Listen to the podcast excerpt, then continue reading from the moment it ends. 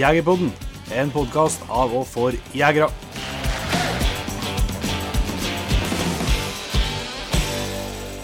Hjertelig velkommen til en helt ny episode av Jegerpodden. Jon Ingevik, vi sitter utstrekt på nyrydda kontor i hver sin godstol. Er Helt, eh, det er jo noe av det beste vi har gjort så langt. Vi er særs fornøyd med nyinvesteringa av eh, lydutstyr. Yes. Kan sette med fotene litt høyt der det er pas- hos oss. Når vi nå skal lade opp til elgjakta i lag med våre kjære lyttere, som har noen nok en gang da bidratt i stort monn til at vi skal få til en eh, ny, forhåpentligvis innholdsrik episode av Jegerpodden. da. Selv om det ikke er en gjest i uka her. Elgjakt spesial. Elgjakt spesial. Det er, ja. det er kommet mye bra dilemmaer og spørsmål, og vi skal da få litt å bryne oss på, tror jeg. Det tror jeg. Men vi kan ta litt siden sist. da. Vi har jo hatt et par liveshow. Vi var til, til Lysøysund og Snillfjorden. Ja. Det var jo mye trivelige folk å treffe der. Mye trivelige folk og eh, god stemning. Og ja, det var mange som lada opp til jakt der òg. Og så, og så har vi jo Og fikk vi jo lov til å være med og jakte litt på søndagen der. Ja. Snillfjorden i lag med Stula og gjengen hans. eh, Og eh, prøve oss på litt hjort. Du, da var, vi, vi var fire som så på post, og så var vi, var det, ble det sluppet mange lakser. Kanskje tre-fire. Fire. fire. Ja, og så ble det ble det los òg. Los ble det, og sjø, skjøting ble det, og hjort ble det. Så det var en uh, vellykket uh, dag. Det var fint vær og hadde litt redusert jaktlag, kanskje ut ifra morgenen. Det var ikke det var ikke oss to. Nei, ikke oss to. Vi holder oss godt, vet du.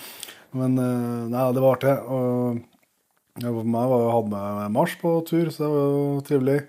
Og han uh, surra nå rundt, han, ja, men eh, til slutt så var det en poster som fikk en spissbok på, som han ikke rakk å få noe smell på.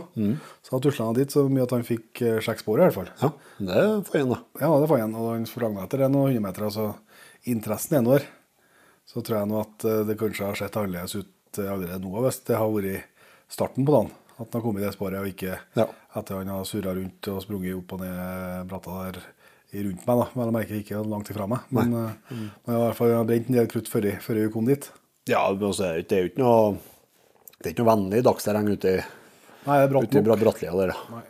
Og så, så er nå han bare sju måneder, men eh, det var i hvert fall interessen er når han tar sporet og følger etter. Ja. Så jeg vet ikke om jeg gjorde det rett, da, men eh, han sprang jo sporet bortover. Eller, altså, jeg så han tok sporet og så bar seg i vei. Og da gikk han og egentlig bare stilte, meg på baksporet. Mm. Um, og så sprang han etter et ja, 300 meter, kanskje. Ja. Og så kom han tilbake. Og da ble jeg med en liksom, der han snudde. da. Og da tok han sporet en tur til. Da ble det jo litt kortere, da, kanskje 200 meter. Og da runda jeg egentlig av der, da. For jeg tenkte at da jeg så jo på han, jeg var jo sliten. Ja. Så det var liksom ikke noe vits å presse noe mer, da. Men om det liksom, om jeg bare skulle sittet i ro på baksporet i utgangspunktet og latt den tatt turen igjen, eller eh, Men jeg ville liksom være med i hvert fall og støtte opp og, og vise at vi skal, vi skal fortsette etter de sporene vi finner. Ja. Jeg vet ikke om han skjønte det, men det var i hvert fall- det jeg tenkte. Så eh, Mars virka å være i ruta, han gitt. Det, nei, det var fint, det. Det er liksom sett igjen etter, etter å ha jakta uti der med det Snillfjorden. Da, der kryr jo av flått. Og dæken ta, jeg er glad for at du ikke har det oppi her også. Ja, det, det er sikkert at vi er så uvante, da. Som de er jo mer vant til mange plasser i landet Ja, ja. Men jeg er helt enig. Jeg synes det, ja, Klærne som jeg hadde på meg, der de ligger fortsatt oppe på altanen. Jeg har ikke tørsta dem inn. så det, Nei, jeg, jeg, jeg, gikk jo, jeg gikk jo etter en merka sti oppover opp til fjellet og satt på fjellet i, i blesten oppå der, så jeg, jeg merka ikke mye av Jeg har ikke funnet få på meg sjøl, men jeg så jo hva andre plukka av seg sjøl. Og, Ja. og du satt og plukka på lenge etter vi var kommet ned og satt på, på en, på en burgersjappe i Levanger senere på kvelden. Ja.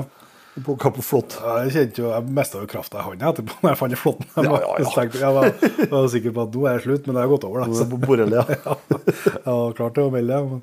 Nei, det er uvant. eh, og, Men det er noe svineri. Ja, det er noe svineri. Og, og dere har begynt å komme litt. Og det, vi snakka med en Tore Harry kommer på i vår om det med hjortelusflua nå. Ja. Det er noe Ja, det skal være bra å ikke ha det, altså. Det tror jeg nå. Ja, vi kan klage på mye av været og kaldt og regn og klima vi har oppi her. men-. Og knott, men eh, heller det også enn den forbaska flåtten, ja. Ja. Og hjortelusflua. ja, kan jo være være enn knott, da. Blir ikke sjuk av knotten, da. Nei, men hele høsten, da. Jo, jo. Det er jo ikke noe knott, da. Nei, det er sant, ja. Du er nå vitterlig mer ute på høsten du enn du er på sommeren. eller? Ja, det sant, Du trives ikke i Varmen heller. Nei. Nei, vi får klare oss eh, uten det, forhåpentligvis i en god stund til. Jeg vet ikke om det, om det sprer seg, og hvor fort det gjør, seg. det har ikke jeg peiling på. Men Nei, jeg jeg har noe sånn som uti der, i hvert fall med flåtten, så forstår jeg at det har vært i, i lange tider, liksom. Det er Ja, ikke noe som har kommet Nei. siste året, liksom. Men Nyheter. vi hadde en eh, bra dag i går kveld. Yes. Bra kveld i går kveld, heter det. Da ble det lansert en kjempenyhet eh, for Jegerpodden, og forhåpentligvis for eh, både våre lyttere og folk for øvrig i Trøndelag. Ja. ja hele, hele landet. Hele landet Bare ja. å sette seg i bilen og kjøre det. Jeg så det var sitat i avisa at det var internasjonalt eh, med. Det var ordføreren sånn som sa. Ok. Jeg har store eh, ambisjoner, ja, men akkurat de liker ikke jeg. Men han gjorde det, så må du bare høre på han. Ja. Han ordfører av en grunn, sikkert. Nei, vi eh, lanserte, som hvis du har fulgt med Jegerpoden en stund, så har du kanskje fått med at vi har hatt et arrangement tre år som heter Aspehaugen Gamefair. Ja. Som gikk veldig bra egentlig alle tre årene. Og siste året ble det jo endelig liksom kom vi på plass med det vi håpa og ønska oss. Det som villmarksfestival med, med artighet både på kveldene og på dagtid. Ja. Um, og så ble det jo bråstopp på det ved at vi ikke kom i mål med en, med en sentral grunneier for oss uh, til årets arrangement. Som gjorde at vi eh, måtte uh, kaste kortet og avlyse i år. Men vi hadde liksom ikke gitt opp drømmen om å, om å få til et sånn type arrangement. Da. Det har jo vært med oss i 10-12 år, Ja. den eh, ideen og tanken, og vi jobba mye med. Så da kom det jo masse henvendelser fra rundt omkring eh, på hvor vi kunne flytte med oss messa hen. Og så øh, Vi noterte nå og fulgte opp det, og så utmerka vel ganske fort seg Snåsa som destinasjon for messa. Både fordi at det var veldig mange forskjellige som tok kontakt, og mange av dem som tok kontakt, var veldig interessert. Mm. Så da ble det et møte i ja, juni vi snakka med første gang. ja, stemmer. Eh, med Snåsa idrettslaget på Snåsa og Jeger- og Fiskeforeninga på Snåsa. Og eh, ordføreren var til stede. eh, Der vi diskuterte litt mulighetene og så litt på det. Og det viste seg ganske fort at der var det en gjeng som hadde ambisjoner og hadde, så litt, litt de samme mulighetene som vi gjorde. da. Og da har nå det liksom rulla den ballen utover sommeren og, og sensommeren her. nok til at vi i går da inviterte til et folkemøte. Det var mye folk som kom på folkemøtet, gitt. Ja, 150 stykker. Ja, så avisa skrev 80. Men da tror jeg de må regne en tur til, for det var satt ut 120 stoler før. Ja, Og så ble det satt ut flere stoler etterpå. stemmer. Det tror jeg de misregna seg, men det er nå greit. men i hvert fall så, så lanserte vi nyheten om at vi i lag med dem skal starte et nytt selskap som heter Snåsa Gamefair. Ja. Og siste helga i juni neste år, 2024. 2024, 28. til 30. juni, så skal det arrangementet se dagens lys første gang. da. Og da er jo igjen eh, ambisjonen med å lage en eh, villmarksfestival, så det starter med konserter og lystig lag fredagskveld, og, og mess og selvsagt aktiviteter og show og foredrag, og ikke minst fiskekonkurranse på Snåsavatnet Ja. eh, lørdag og søndag. Og eh, konsert selvsagt, og et jækla liv på lørdagskvelden, og muligheter for camping hele helga. og det som hører til en skikkelig festival. da. Ja. Nei, det blir, det blir Det blir jækla spennende og artig å holde på med. Og nå er vi, føler jo vi er sånn noenlunde ute i god tid òg. Det, er er ja, jo- det er det er jo ni måneder til. Ja. Og øh, vi, vi er jo ikke øh, Vi liker jo å dra til litt når vi først skal gjøre noe. sånn at øh, Det har vi gjort denne gangen her òg. Så den første bookinga vi kan tease da, som ble nevnt i går, det er jo Staysman Ja. på lørdagskvelden. Det blir rølp. Ja, det, det kommer nok til å smelle litt skikkelig, det. altså. Ja. Det tror jeg. Det, det blir nyttårsaften på nytt igjen på Snåsa, det. Jep, det blir. Så sett av sist helga i juni. Allerede nå så kommer det mer informasjon både i Jegerpodden og, og andre plasser om uh, hva som blir innholdet og mulighetene og alt sånt. Men uh, jeg tror det er ei helg du vil ha med deg. så. Det Ja. tror jeg kan bli Og så er det Nå er det liksom ikke noe skyld på det, for nå er det siste helga på juni, så er det ingenting å jakte på i Norge. Nei, det er ikke. Det er ikke. Så, og det var jo et mål vi har hatt tidligere, og egentlig da, Ja. flytte messa på den sida av sommeren. Men uh, på den plassen vi var på Aspbøgen, så var ikke det mulig. Eh, sånn at eh, når vi nå fikk muligheten til å, til å flytte, eller måtte flytte på oss, da, sånn, så var jo det en naturlig grep å ta. da. Så vi prøver nå å høre etter når det vi får beskjed om. Ja, ja. Noen gang. Noen gang. Men vi skal selvsagt komme mer tilbake til Snåsa Gamefair og alt eh, som hører med det etter hvert. Men det er jo elgjakta som står for tur nå. Og det er jo bare noen dager unna. Ja, det er fire dager. Yep. Så det nærmer seg det nå. fire lengste dagene i året. Ja, det er det. det er det. Men eh, nei, det går fort. Eh, Jeg skal hive meg i bilen etterpå nå og ta en eh, liten snartur til Sverige. Ja, ja, til Nordkjøping? Ja, Nordkjøping er nærmest byen antagelig, som folk kjenner noen nye til. Tolv timer. Hente en uh, Stringwalker-valp på åtte uker, og så kjøre hjem igjen. Tolv timer tilbake. Og så rett på liveshow. Og så er det liveshow i Rørvik på hjemmebane lørdagskveld. Det blir eh, det er litt, Vi har snakka om at vi er litt mer, mer nervøse, litt sånn yoga for dere. Ja, det blir, det blir noe annet å gjøre hjemme. Det er jo solgt 150 billetter, og mest sannsynlig så kjenner vi jo 120 av dem. 42. 142. ja. Så nei, det blir skikkelig Det blir kjempeartig, men det, blir noe, det er litt nervøst, jeg skal innrømme det. Det er mer eh, Kjenner mer på Det er jo kjedelig. først må vi jo snakke sant. Ja, det er nå det for seg også.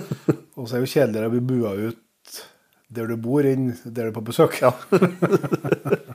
så nei, det går nok, eh, går nok veldig bra. Men så er i hvert fall da Det er jo Ja, og så er det jo lille julaften da på søndagen, 24.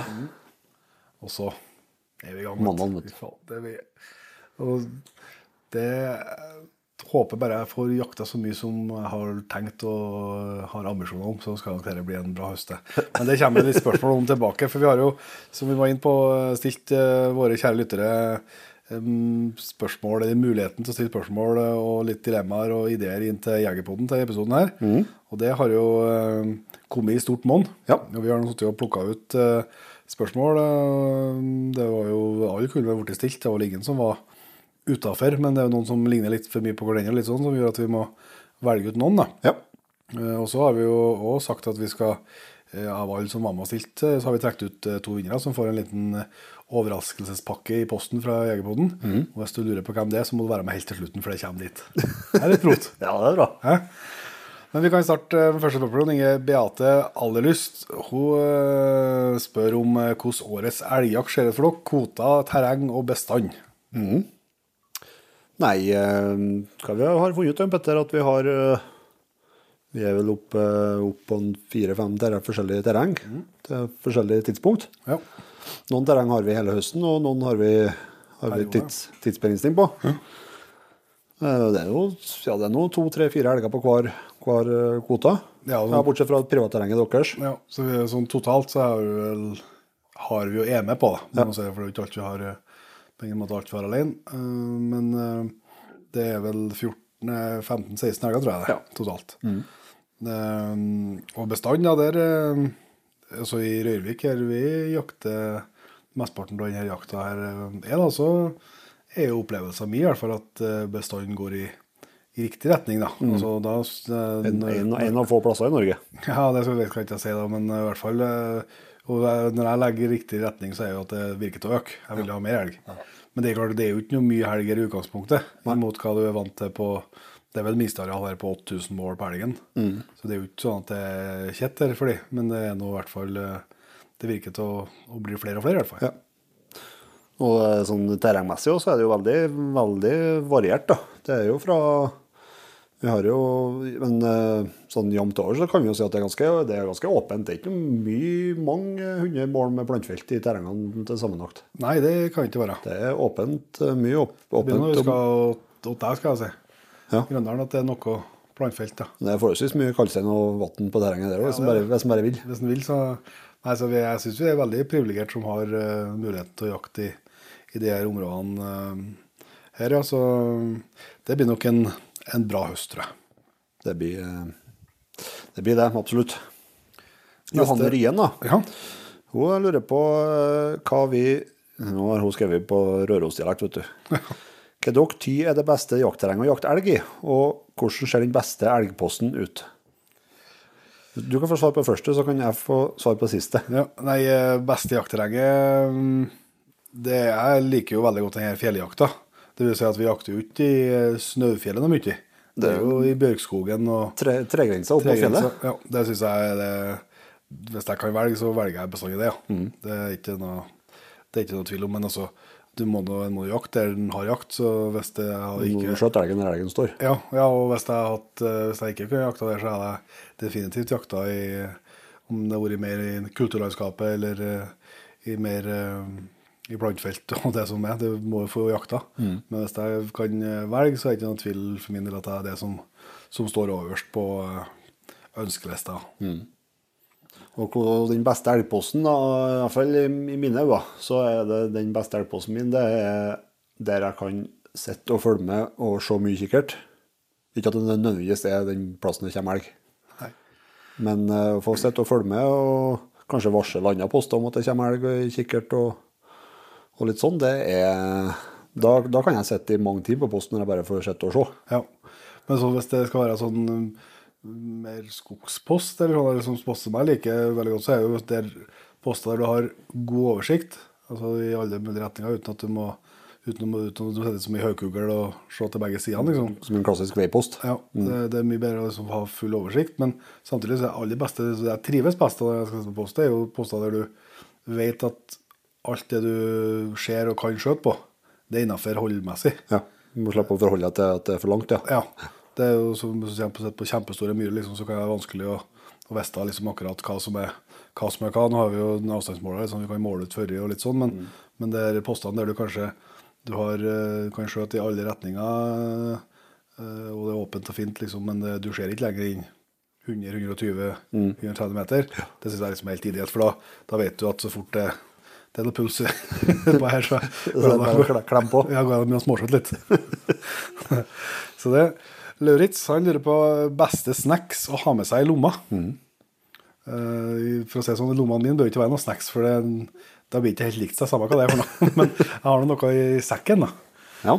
Nei, Jeg er, noe, jeg er ikke så avansert, jeg er noe glad i sjokolade. Men så syns jeg det er veldig bra å ha med seg enten røyka kjøtt eller tørka kjøtt. Kjeks. Kjeks, ja, men øh, og, og det jeg synes, Men det er likest det er tørka kjøttet. Eller, og det er jo kjøpt i Sverige, sånn både røyka flesk og, og det finnes sånn salta flesk med jævlig salt. Ja. Det er jo ikke så dumt, faktisk, øh, i hvert fall for den som er som meg og, og gjerne svetter en liter eller to. Så er ikke, ikke det, det er bra å fylle etter med litt salta og, og sånn. da. Ja, og vann. Og vann, ikke minst. Da, men det, der er, det prøver jeg å være veldig flink til, egentlig. Har noe camelback. Ja.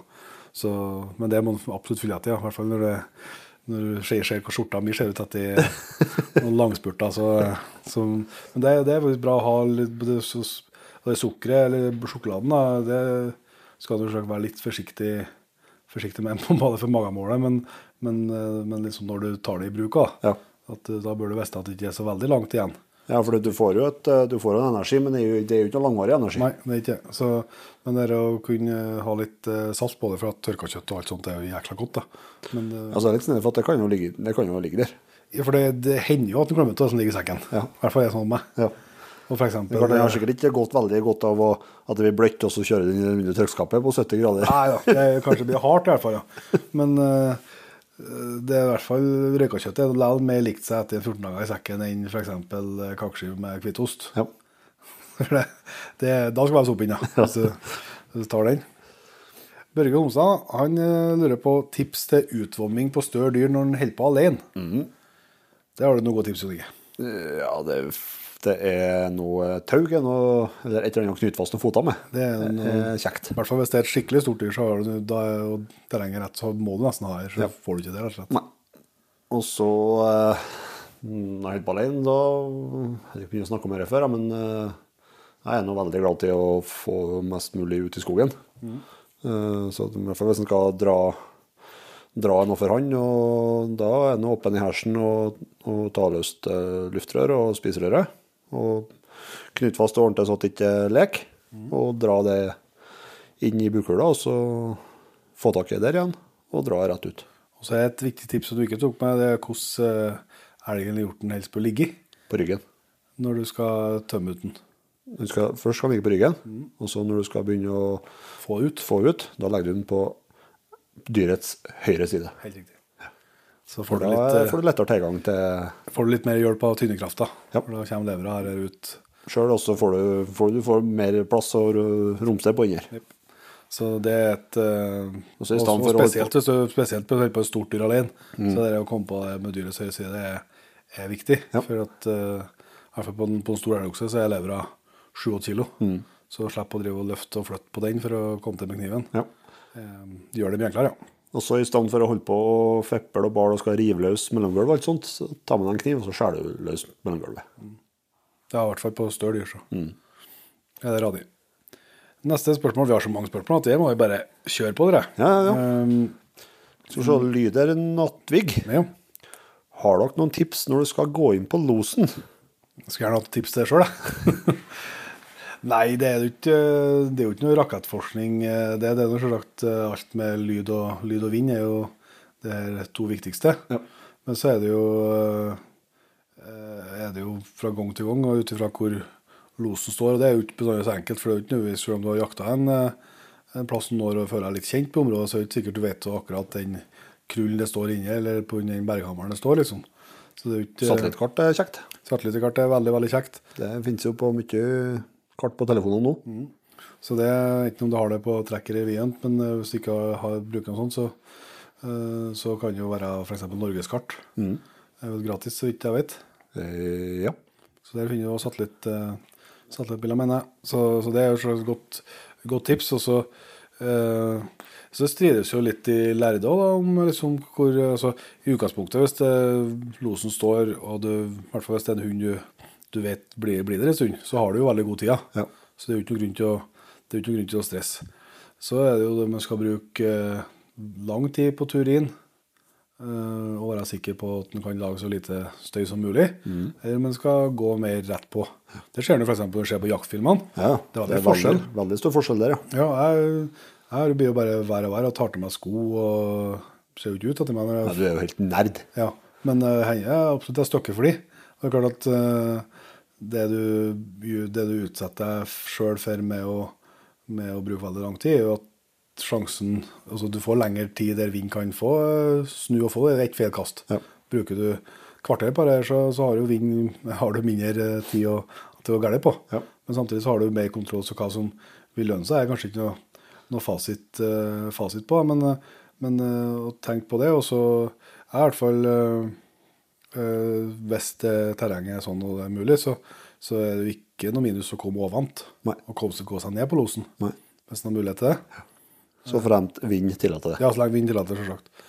Og um, Det har vi sikkert snakka om i Jegerpoden før, men jeg i hvert fall hadde jo en sånn eh, opplevelse for noen år siden der jeg støkte en los uten at jeg skjønte hvordan jeg fikk det til. Og da skjønte jeg etterpå at den dagen var det jo eh, minusgrader, og så sto losen 300 meter over om et stort vann. Og jeg opplevde det som fullstendig vindstilt.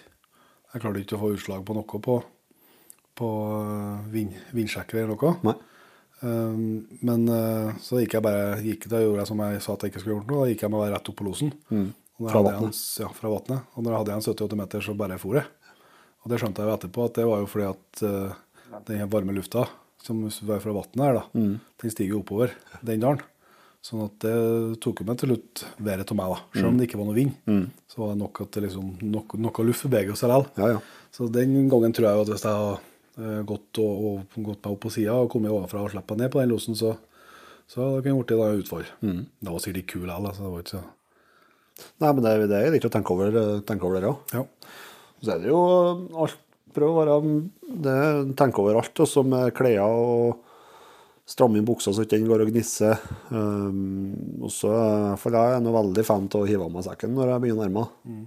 ja. Da er det viktig å plotte inn det på en GPS eller på et kart hvor den ligger. Yes.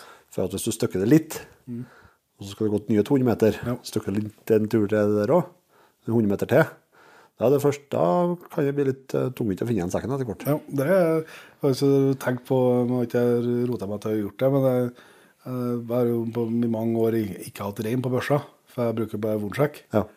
Eh, Men akkurat eh, jeg har Etter jeg var i Sverige, så får jeg jo, da ble det jo en sånn runde. Ja. Da igjen sekken, jeg hadde igjen 200 meter til losen. og så, Det ble ikke så stygg langt, ja, men det ble en kilometer eller to. da.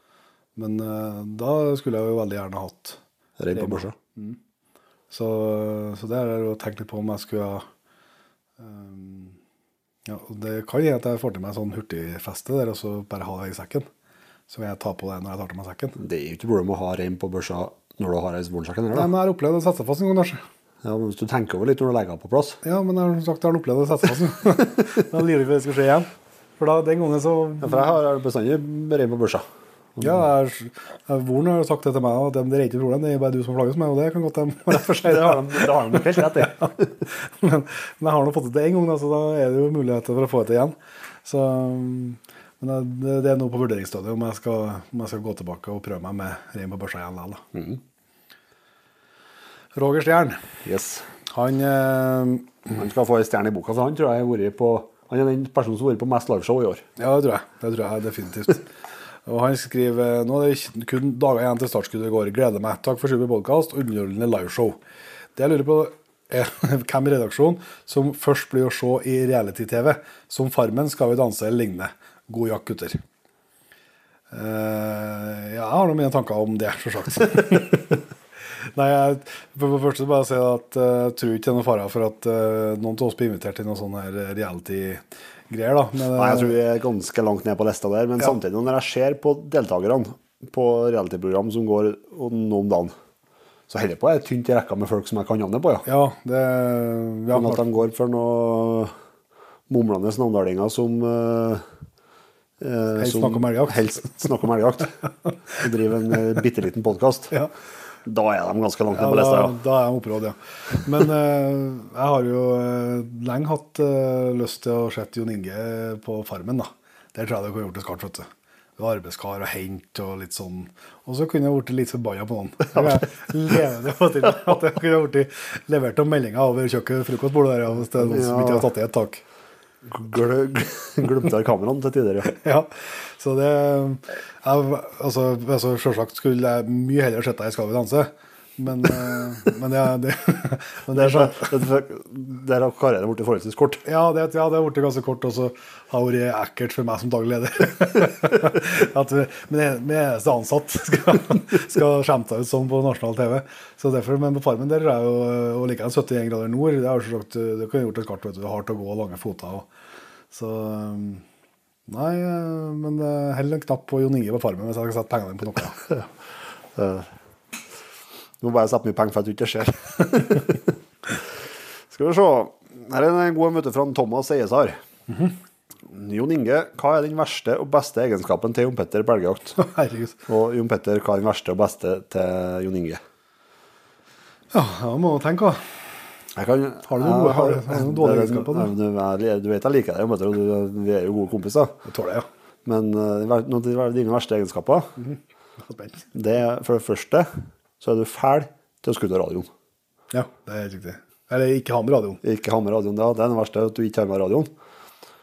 Og så er du fryktelig fæl til å få helt noia hvis du ikke, har, hvis er noen, eh, hvis du ikke får kontakt med dine egne hunder, eller at du ikke får inn noen andre sine hunder som du poster på, eller, eller at det er noen opp, trekkeroppdateringer som gjerne eh, går på 1 minutt og 30 sekunder og sånn. Ja, da er du forholdsvis forholdsvis kjapp avtrekkeren til til å melde at, eh, at det går an å justere opp oppdateringene på, på noen peiler. Ja, ja, ja.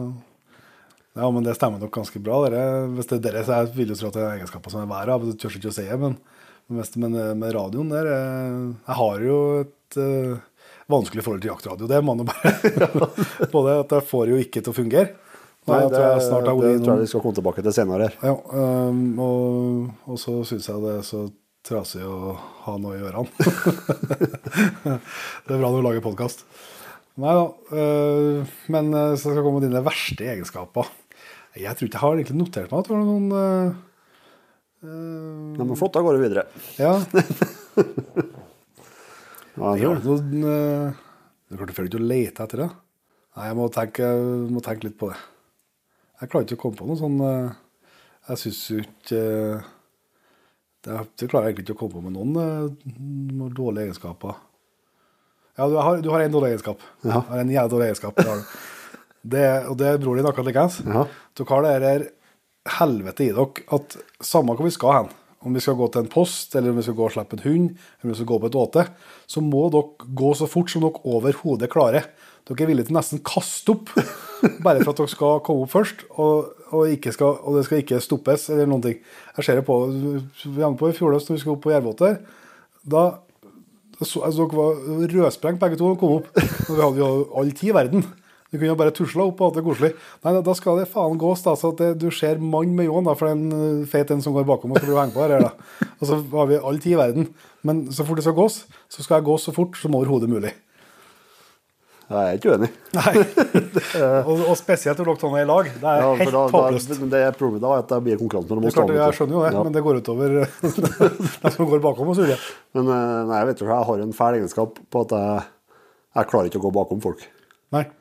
Jeg blir Blir sjøsjuk. Ja, altså, om, om, det går, om det går saktere òg, Ja, så føler jeg at jeg blir mer klar av å gå bakom noen enn at jeg skal, enn at jeg skal gå først og sette mitt, mitt eget tempo. Jo, jo. La dem det er høyere. jo, det er jeg enig i at det beste er alltid å gå i sitt eget tempo, for du blir klar av å gå i et tempo som er lavere enn det du Ja. egentlig vil du kan ha bremse. Ja, ja. Men det, det, det jeg snakker om her, er ikke det. Nei. Det er når det, dere bare Men jeg vet, jeg, vet, jeg vet jo hvorfor, for vi har jo en far òg som er sånn. Akkurat likeens er det. Og, og det har jo vært konkurranse hele livet om eh, hvem som er i best form. Og det kommer nok aldri til å ja. Farsan nå er på 70 år, så nå, han, nå skal han slippe unna det. Men det, det husker jeg fra Jeg husker vi sto, var på Elgård nå, og lam- vi var, var gjort et annet lag. Så vi og planla og drev der, og da sto det en og røyka. Hadde med bilen der mens vi sto og planla. Ja. Og eh, så fikk han beskjed om at han skulle være med en pappa opp på post. Og da så vi bare det gikk en faen i pappa. Her skal jeg Han, han der som står der og røyker, han skal faen meg få det. Og det gjorde han Og det. Så nei, det, det, det, jeg tar det i mynter, det er helt Ja.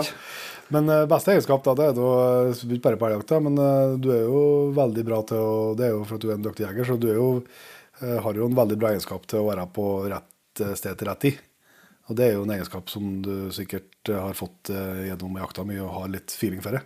Så det, det er ikke tvil om at det er en bra egenskap. Og, så er det jo Vi er jo gode kompiser, så det er jo mye, mye bra både med humør og, og likeens er du jo langt bedre enn meg til å holde opp trua.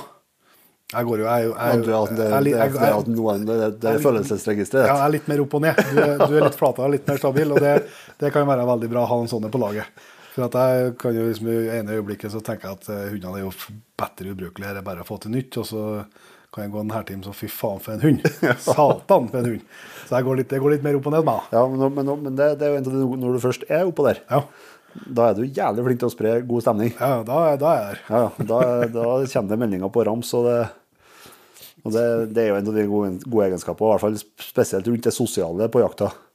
Det er at uh, du kommer jo med noen meldinger, og du har jo, så du har jo bestandig en kommentar på lur som gjør til at uh, det blir god stemning. Ja, det er det jeg har takk for, da. Så, nei, men du må ha, vi må ha alle mulige folk på laget, vet du. Det nytter ikke å bare ha dem som er på rett tid til rett, rett sted til rett tid heller. Det var et artig spørsmål. Eh, det må du, som hører på, gjerne gjøre opp eh, din mening om, eh, og kanskje dele med din gode jaktkompis eller noen i jaktlaget, eller kan jo ta, kan jo ta vet du, førstmorgen i jakta, sitte drikke kaffe, så kan du ta en runde rundt, rundt bålet. Hvem kommer best til å Kan ta et par dager ut i jakta, kanskje, hvis det er noen som, det er noen som er litt hårsår. Men, men sannsynligvis har han jo bare godt av å bli evaluert litt av andre, og ikke bare seg sjøl. Ja. Fiplingdal 1, 2, 3. Der. Her, ja, det her er Her, her, klassiker. er- her er bra. Her har du mye, mye å komme med. Ja. Tips, Tips, ja, altså, tips fra nok tålmodighet med ungen i skogen? spørsmålstegn. Har prøvd alt fra å legge meg ned og sove til å se porno. Nei. Og det, det er jo Jeg vet at det, du har vært innom alt det der, du òg. ja, ja, ja, men det, det finnes ganske mye midt imellom der òg. Nei, det er nå en eh, er nå et eh, evig tema. Da. Jeg skal absolutt ikke skryte på at jeg er den, eh, jeg er den mest tålmodige. Eh, Jeg har vel snakka om det før. For min del så har det jo, er det jo veldig verdifullt. Og nå er jeg i en heldig situasjon som gjør at jeg kan ha flere hunder. Ja. Og da liker jeg jo, når jeg har unghunder, som jeg har nå, da, så liker jeg jo gjerne å starte med dem om morgenen.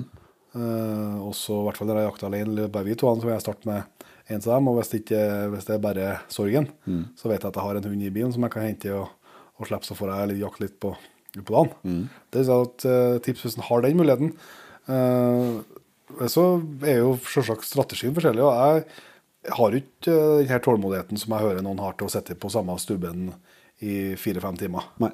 Den, det, det får ikke jeg til, så Man enkelt. må, må bevege seg litt framover. Ja. Så, så det jeg bruker å gjøre, om det jeg skal ikke si at det er et godt tips, for det, det har ikke jeg har ikke jeg nok erfaring til å, til å si. Ja, men måten jeg gjør det på, hvert fall, er at jeg slipper løs hunden, og så får nå den ferda å surre på som den vil.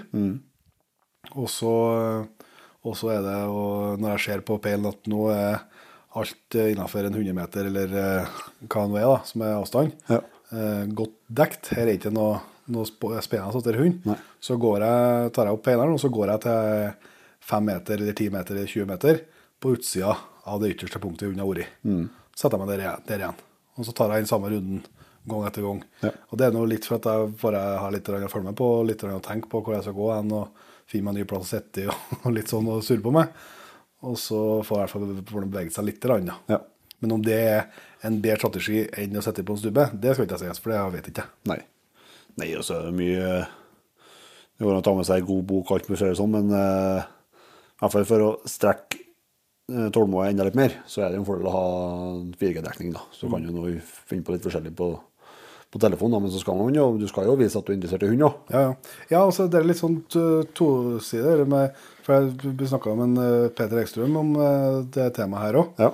Og han hadde et veldig godt tips som jeg sikkert har skynda en del mot det skjønte når han snakka om, men det er jo det her eh, Så har en unghund som eh, fer mye og surrer rundt deg, Mm. og så plutselig gjør han seg en tur.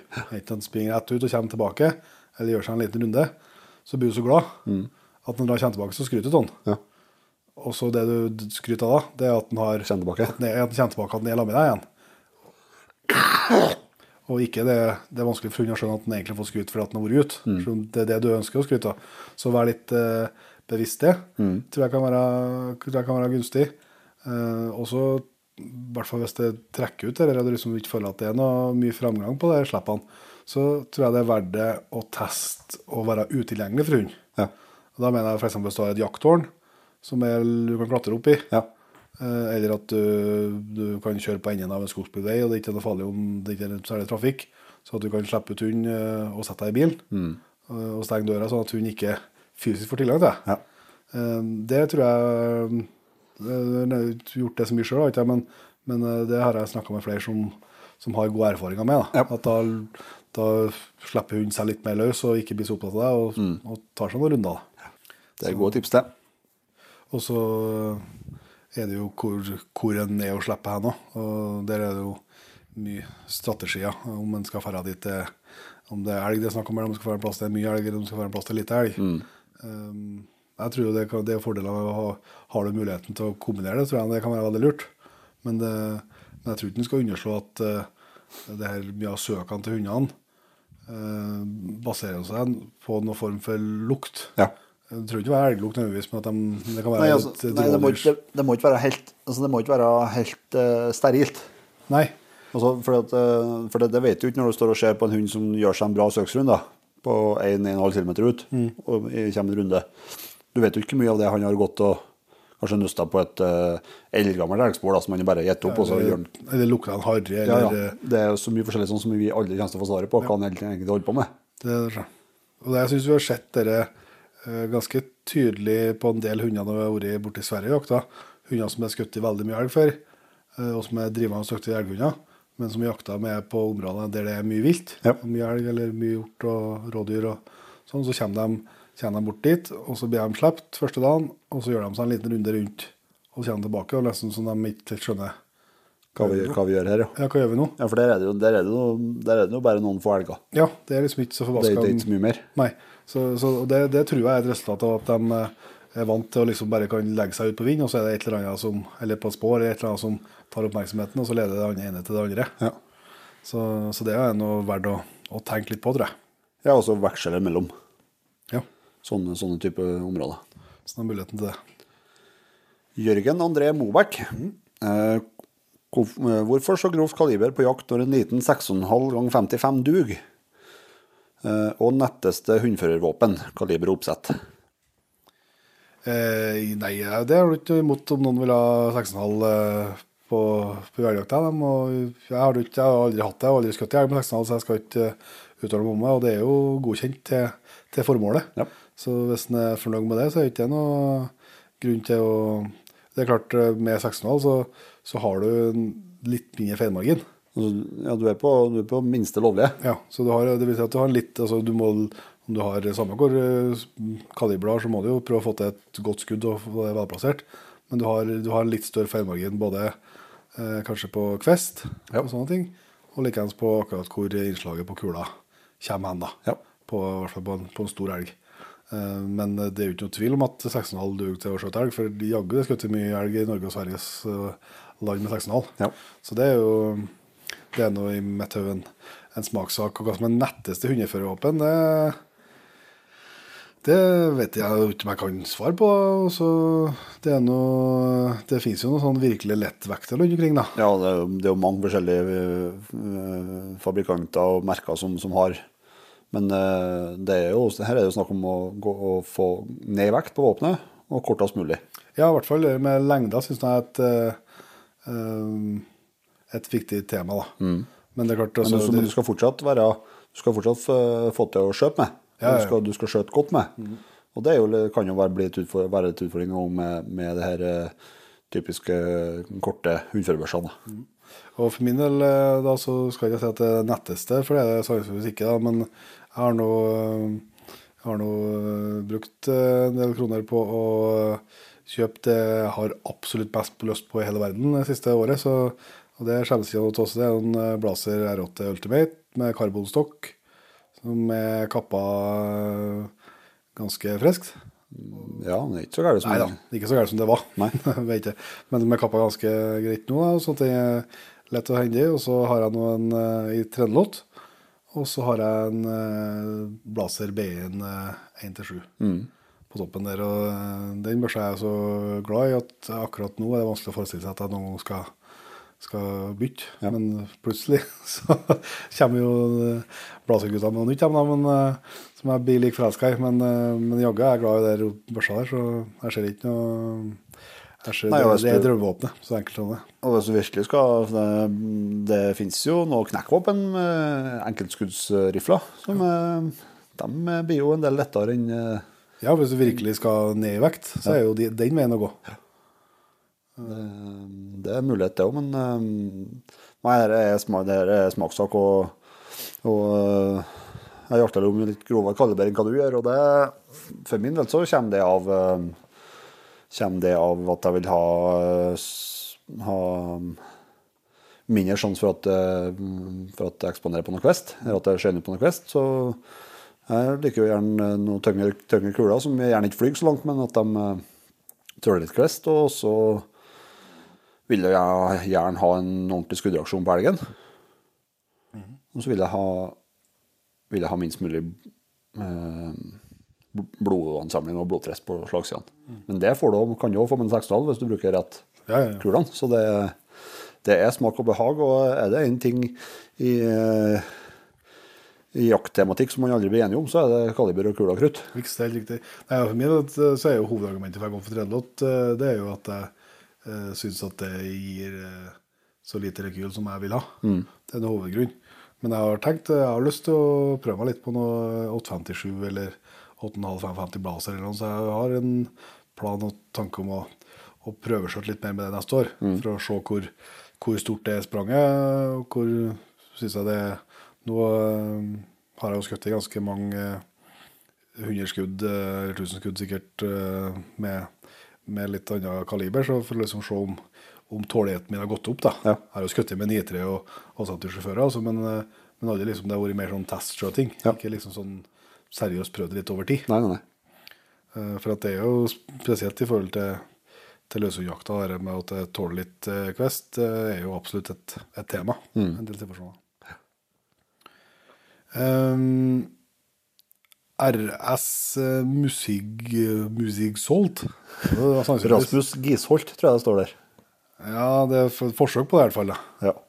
Men jeg lurer på hvor viktig det sosiale er for oss under elgjakta, både under jakta og på kveldstid.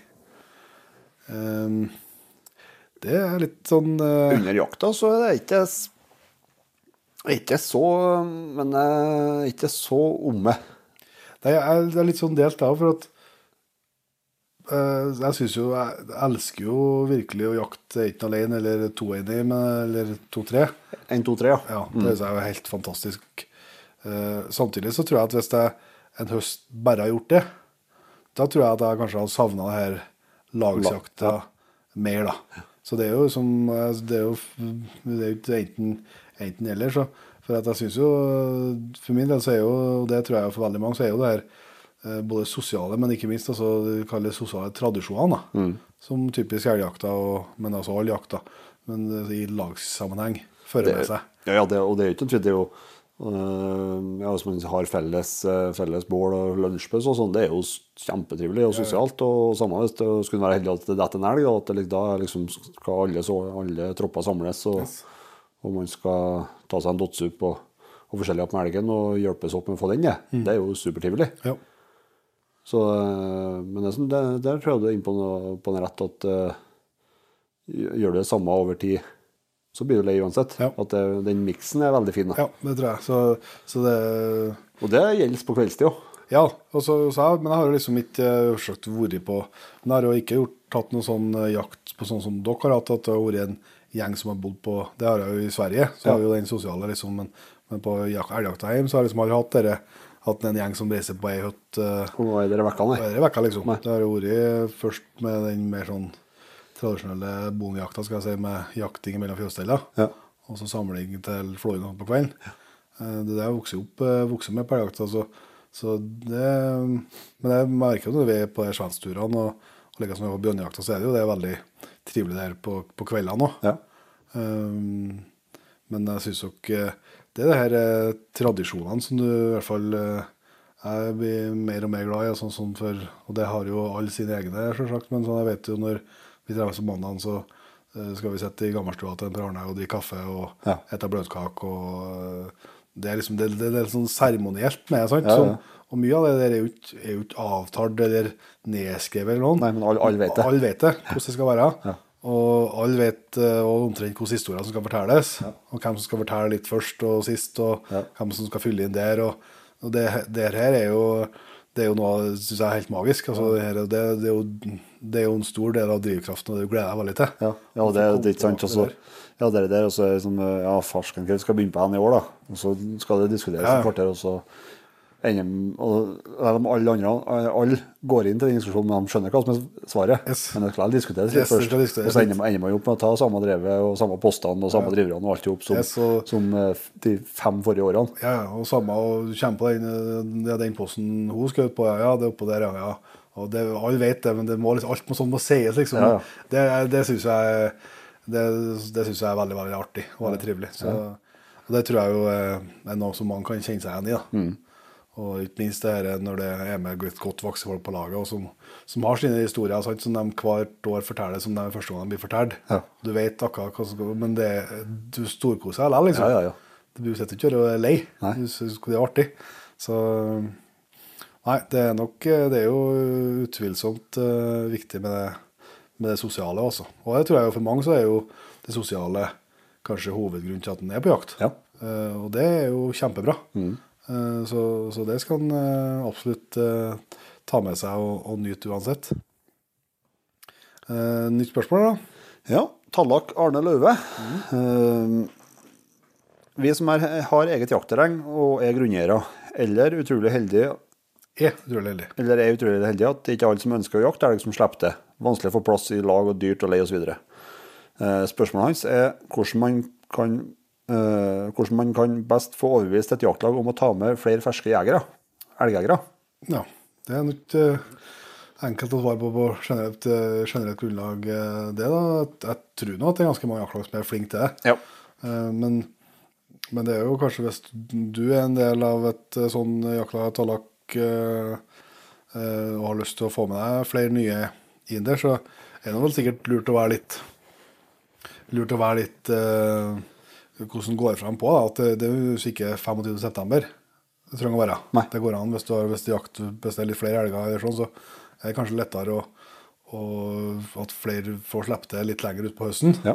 Ofte så er det jo sånn i jaktlag at eh, det er både jaktlysten og, og mulighetene og livssituasjonene er forskjellige. Mm. Så for mange så dabber jo tå av forskjellige årsaker litt utover. Ja. Da er det kanskje lettere å, å få overbevist om at uh, kanskje vi skulle hatt med et par ekstra poster her. sånn mm. Og så er det jo at det går an uh, både som fersk jeger å invitere seg sjøl inn, og, og som uh, hvis du skal invitere noen inn i et jakt, eksterne jaktlag, så uh, trenger du ikke, må du ikke ha en børse. Nei. De første turene. Det går an å få lov til å være med og bare observere og lære, og Ja. sette på post, kanskje i lag med noen eller være med og drive, eller Ja. alt etter hvordan jakta eh, går. da. Eh, og det er kanskje enklere å, å få eh, innpass på den måten, da. Ja. Ikke fordi at nødvendigvis alle tenker at jeg skal ha jerven sjøl og skjøte den sjøl, men, men da i hvert fall viser den jo litt at dette handler om å, å vise fram hva vi driver med. Ja. Hvis ikke å gi noen i hermetegn gratis jakt. da. Nei, og så handler det om at man, eh, man eh, blir kjent med et jaktlag òg, og at jaktlaget blir kjent med deg. Ja. Som en, eh, som en, som en fersk jeger. Og, det Det kan være en god inngang, det å, å tilby at man kan være med og drive, eller å, å liksom vise fram at man At man ja, dug, dug, da. Og at man kanskje blir invitert med neste år, at man gjerne kan ta med seg børsa. Yes.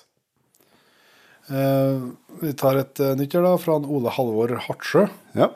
Eh, da blir jo litt kulere akkurat igjen. Jeg lurer på hvilke kuler og kaliber som brukte årets elgjakt, og hvorfor vi landa på disse valgene. Og eh, hva som er vekta på respektive rifler til hver av dere under elgjakta. Oi. Eh, vekta kan jeg nå si med en gang, det vet jeg ikke. Nei, det gjør ikke jeg heller. Men eh, det er vel, eh, vi, er vel nærm, vi er vel mer over fire enn vi er over tre, i hvert fall. Ja, det vil jeg tro. Jeg tipper jeg kanskje jeg, Du er vel kanskje på rett under fire, du. ja, rundt fire, tipper jeg. skal jeg skal tippe, da. Men det kan være at det er litt under og litt over. Det tør ikke jeg si. Men Det er jo det som er, det er, det som er den store eh, ulempen vi skal se med, med de våpnene vi har vært, det er at det er jo ikke noe, det noe lettvektere. Nei, blazer, eh, blazer blir aldri lett med den mekanismen som det er i dag. liksom. Så, Nei, mekanismen og, og kvaliteten på stål. ja, så, så er ikke, er ikke lettvektere. Men, eh, men det er noe vel verdt å bare være seg læl. Det er det, og så er det Jeg mener jo at den store forskjellen altså, Jeg bryr meg ikke så hardt om, om vekta på våpenet lenger. For at eh, det er uhyre sjelden at jeg får og bære det våpenet på skuldra. Da hadde, nok, eh, da hadde jeg nok tenkt mer over det, men uh, i 95 av tilfellene nå så har jeg den i sekken, og om hun da veier 3,5 eller 4,5 kilo, det Det er ikke det som utgjør utslaget, nei. Nei. Men kula og kaliber, da. Kalibrene nevnte du vel i stad. Jeg har nå 308, og i år så skal jeg bruke eh, Norma Bonstrike. Ja. Eh, den brukte jeg ikke i fjor, året før i, men var godt fornøyd med det. ja. Det er ikke noe Jeg har ikke skutt noen elger med det, så jeg skal ikke eh, si at Men jeg syns det fungerte uh, godt. og Litt bra fart i, og så er jeg jo i ei kul Det er ikke så aktuelt for elgjakta mine, men det er ei kul som, som er laga for å kunne fly litt langt òg. Hvis jeg skulle uh, trengs på et eller annet i en setting. da. Jeg blir å bru- bruke litt eh, to forskjellige våpen, tror jeg. Jeg blir å bruke eh, R8 i 857 og R93 i 93. Og der er det Der er det um, Oryx Silence i begge kalibrene. Så det er ikke noe Superspennende, Nei, det er ikke det. men det funker sånn. Det funker. Så jeg vet ikke helt eh, når og mm, sånn jeg kommer til å ta med de ulike våpnene. Det tror jeg kommer an litt på humøret og, og dagsformen, tror jeg. Sinnstilstand. Ja. Jeg ble jo, kosta jo på KKC-stokk med tommelhull på, på R3-nikken, eh, som tidligere før hadde en, eh, en enkel plaststokk. Og eh, ble veldig fornøyd med det, egentlig. Og, og uh, opplevde at jeg skjøt bedre med den Ja, enn du gjorde med enn gjorde med, med, med ja. For at nå er det nå er en kolbe som er lang nok til, til mine gorillaarmer. Og, og uh, de er lange, det er altså derfor.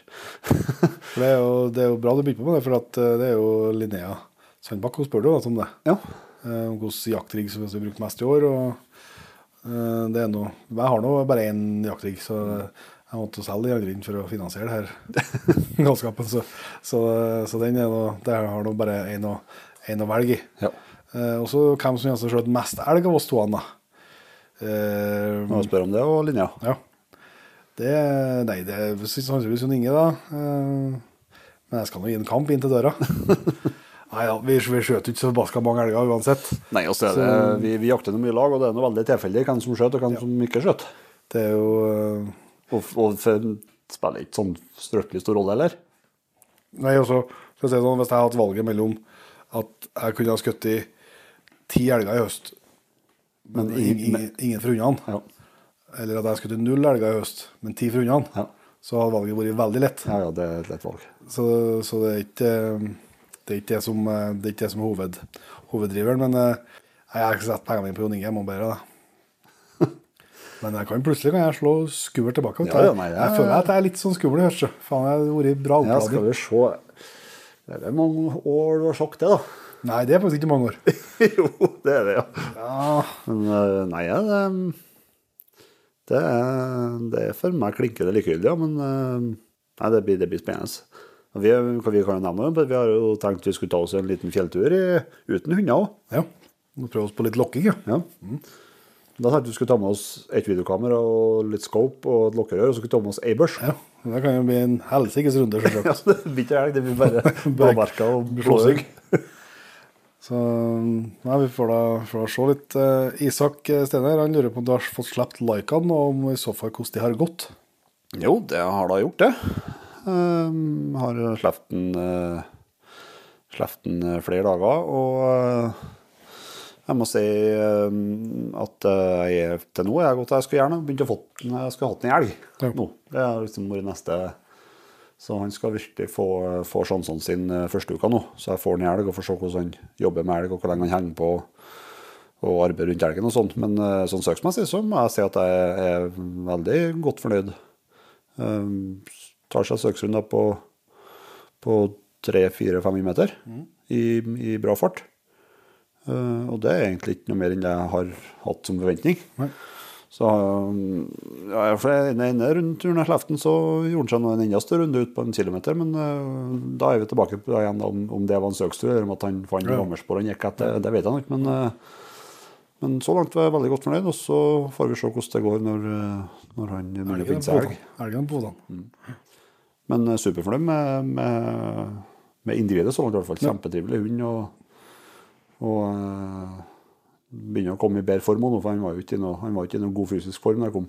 Han var, han var slank og veltrena, sånn, men jeg hadde ikke noe kapasitet. Har ikke sprunget noe mye, nei. Så det, jeg ser jo at han fort blir at han, han blir, eller han ble i hvert fall fort klar. Ja.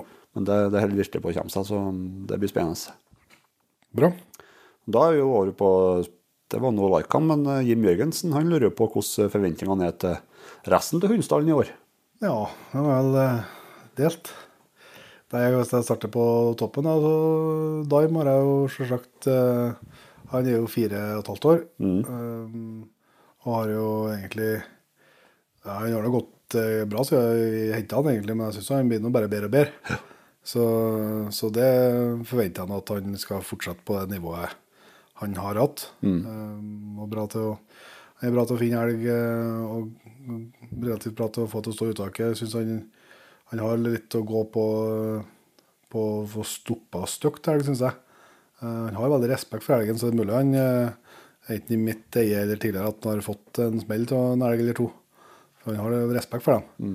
Og det er jo bra på mange vis, det, altså. Ja, ja. Men jeg skulle gjerne sett at han var litt eh, råere der. Men Jeg ser på framom. ja, ja men så kan han være framom òg, men han, eh, han eh, Men det er klart, hundene jobber jo forskjellig med Og jeg har litt erfaring, men så, så sammenlignet med Eiko, så han fikk jo hver enda elg forbanna. Ja. Eh, og likte å veie og tære opp dem og springe rundt Det tror jeg er mer unntaket, da. Ja. Sånn som han oppførte seg rundt elgen. Men, uh, Men det funka jo. ja, men, men da er for så vidt ganske rølig i losen, han òg. Men han, eh, han uh, følger liksom veldig med på Det skal lite, lite til for at uh, hvis elgen liksom snur seg litt brått, så spretter han ti meter ifra. Ja. Og sånn innpå igjen, liksom. Så, så han, har, han har respekt for dem, da. Så han, det som er så det med det forventninga jeg har til han, er jo at han skal fortsette å leve som han har gjort. Og så syns jeg han hadde eh, noen slipp i fjor der han ikke, ikke var på nivå. Så jeg håper liksom at han kanskje med ett år til på baken er enda mer stabil. da. Ja. Men altså, han var mer stabil nok for at det var velfungerende i fjor. altså. Men jeg syns han hadde, han hadde noen, noen slipp der han slapp seg litt for mye ned. Synes jeg det var litt... eh, Men det kan jo være at han var den dårlige i magen eller eh, sånne ting. altså. Men, men jeg håper Det har jeg sagt mange før. altså Hvis jeg har en, eh, en stabil jakthund er en bra jakthund. Ja.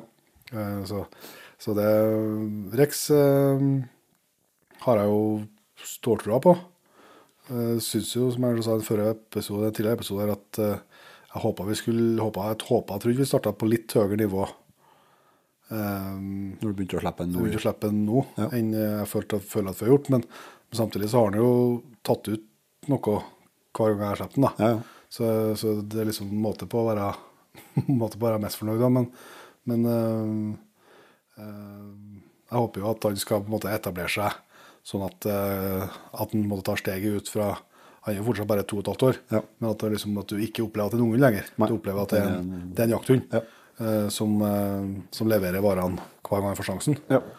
Um, Freya er jo stor usikkerhet knytta til det.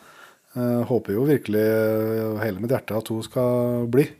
Men uh, det er jeg veldig usikker på om hun blir. I hvert fall sånn som jeg vil ha en elghund. Ja. Så, men hun skal nå få hele høsten på seg, og mange slipp og mange muligheter. Så får hun nå bare gjøre opp en status. Men jeg har liksom ikke forventning til henne. Det syns jeg liksom blir urettferdig for hennes del, og det er litt for å ikke grave seg helt ned sjøl hvis det ikke blir. Ja. Så jeg har liksom bevisst prøvd å liksom styre forventningene og tenke at hvis jeg, eh, eller hvis jeg sier hvis vi, fruen er akkurat, akkurat like delaktig i det som meg, så hvis vi klarer å få det til i høst, så, så blir jeg veldig glad. Ja. Og hvis vi ikke greier å få det til i høst, så, så må vi nå se hva vi skal gjøre videre. Ja. Og Mars det er nå en bonus. eh, Han er nå sju måneder nå. eh, Håper jo og tror at han skal få, at jeg skal få høre noen gode loser i løpet av høsten. med han. Så da skal jeg nå være veldig godt fornøyd hvis vi kommer dit. Ja. Jeg kan jo se om Brutus òg. Han er jo, som er jenten min, han eh, er jo seks år nå. Og så fremt han, han, han skal være på topp nå. Ja.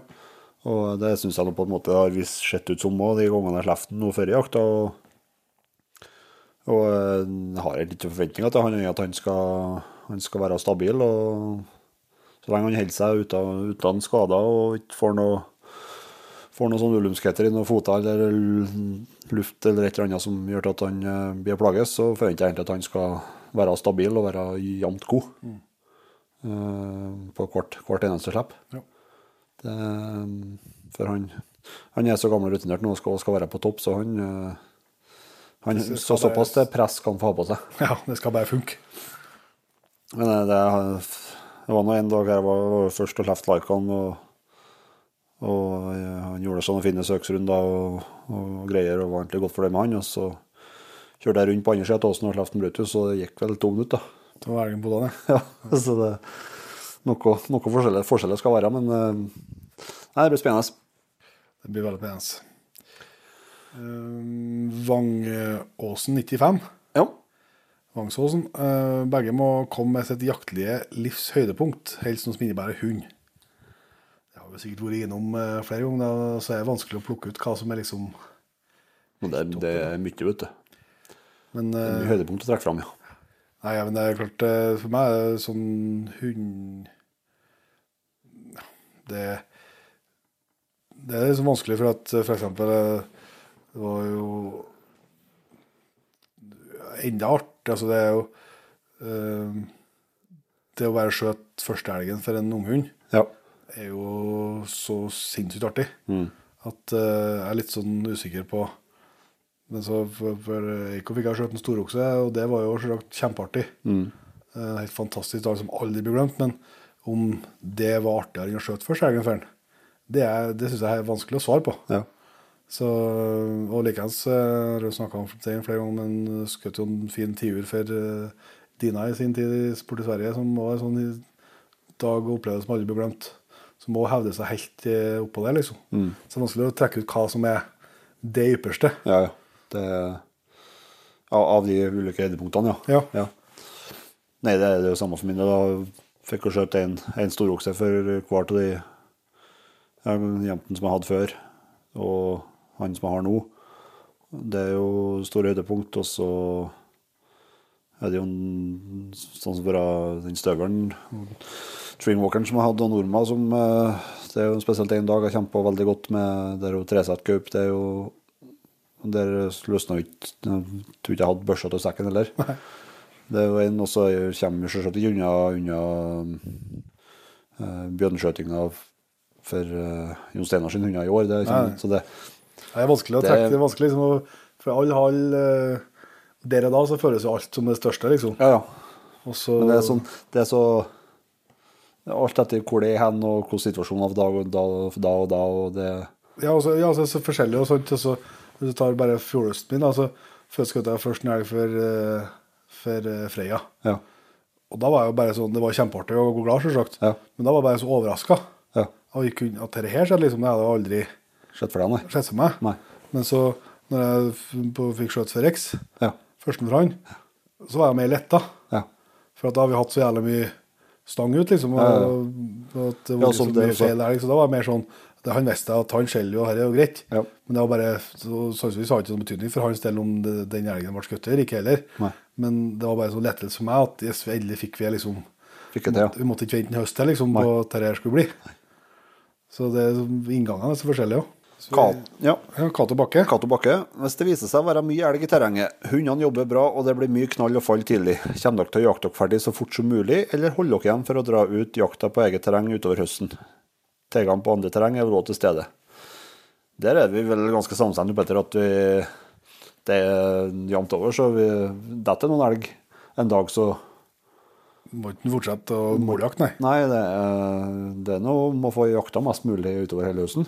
Ja, og så er det klart at eh, der er jo vi eh, privilegert med at vi både har flere terreng og, at, eh, og, og muligheter til jakt. Ja. Klart, Ja, så eh, har vi det i vårt eget Vi må ikke fære Vi, vi, har, vi, vi har det i bakgården vår, så vi Ja. trenger ikke å fære og kjøre på lengden. Nei, så det er klart hvis du har et, et terreng du har ei uke som er langt unna hjem, så det er klart at da må du bare gnu på.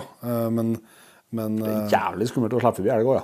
ja, det kan det har vist seg. Det man- kan straffe seg. Det straffe seg. Men eh, på, på generelt grunnlag så er jeg der Det er jo ikke jeg grunneier noen plass. Jeg skjønner at en grunneier vil se litt annerledes på den saken, men for min del, som, som får lov til å være med og, og leie sledejakt, så, så jeg, jeg- lever jeg veldig godt om det er en elg eller to eller tre Ja.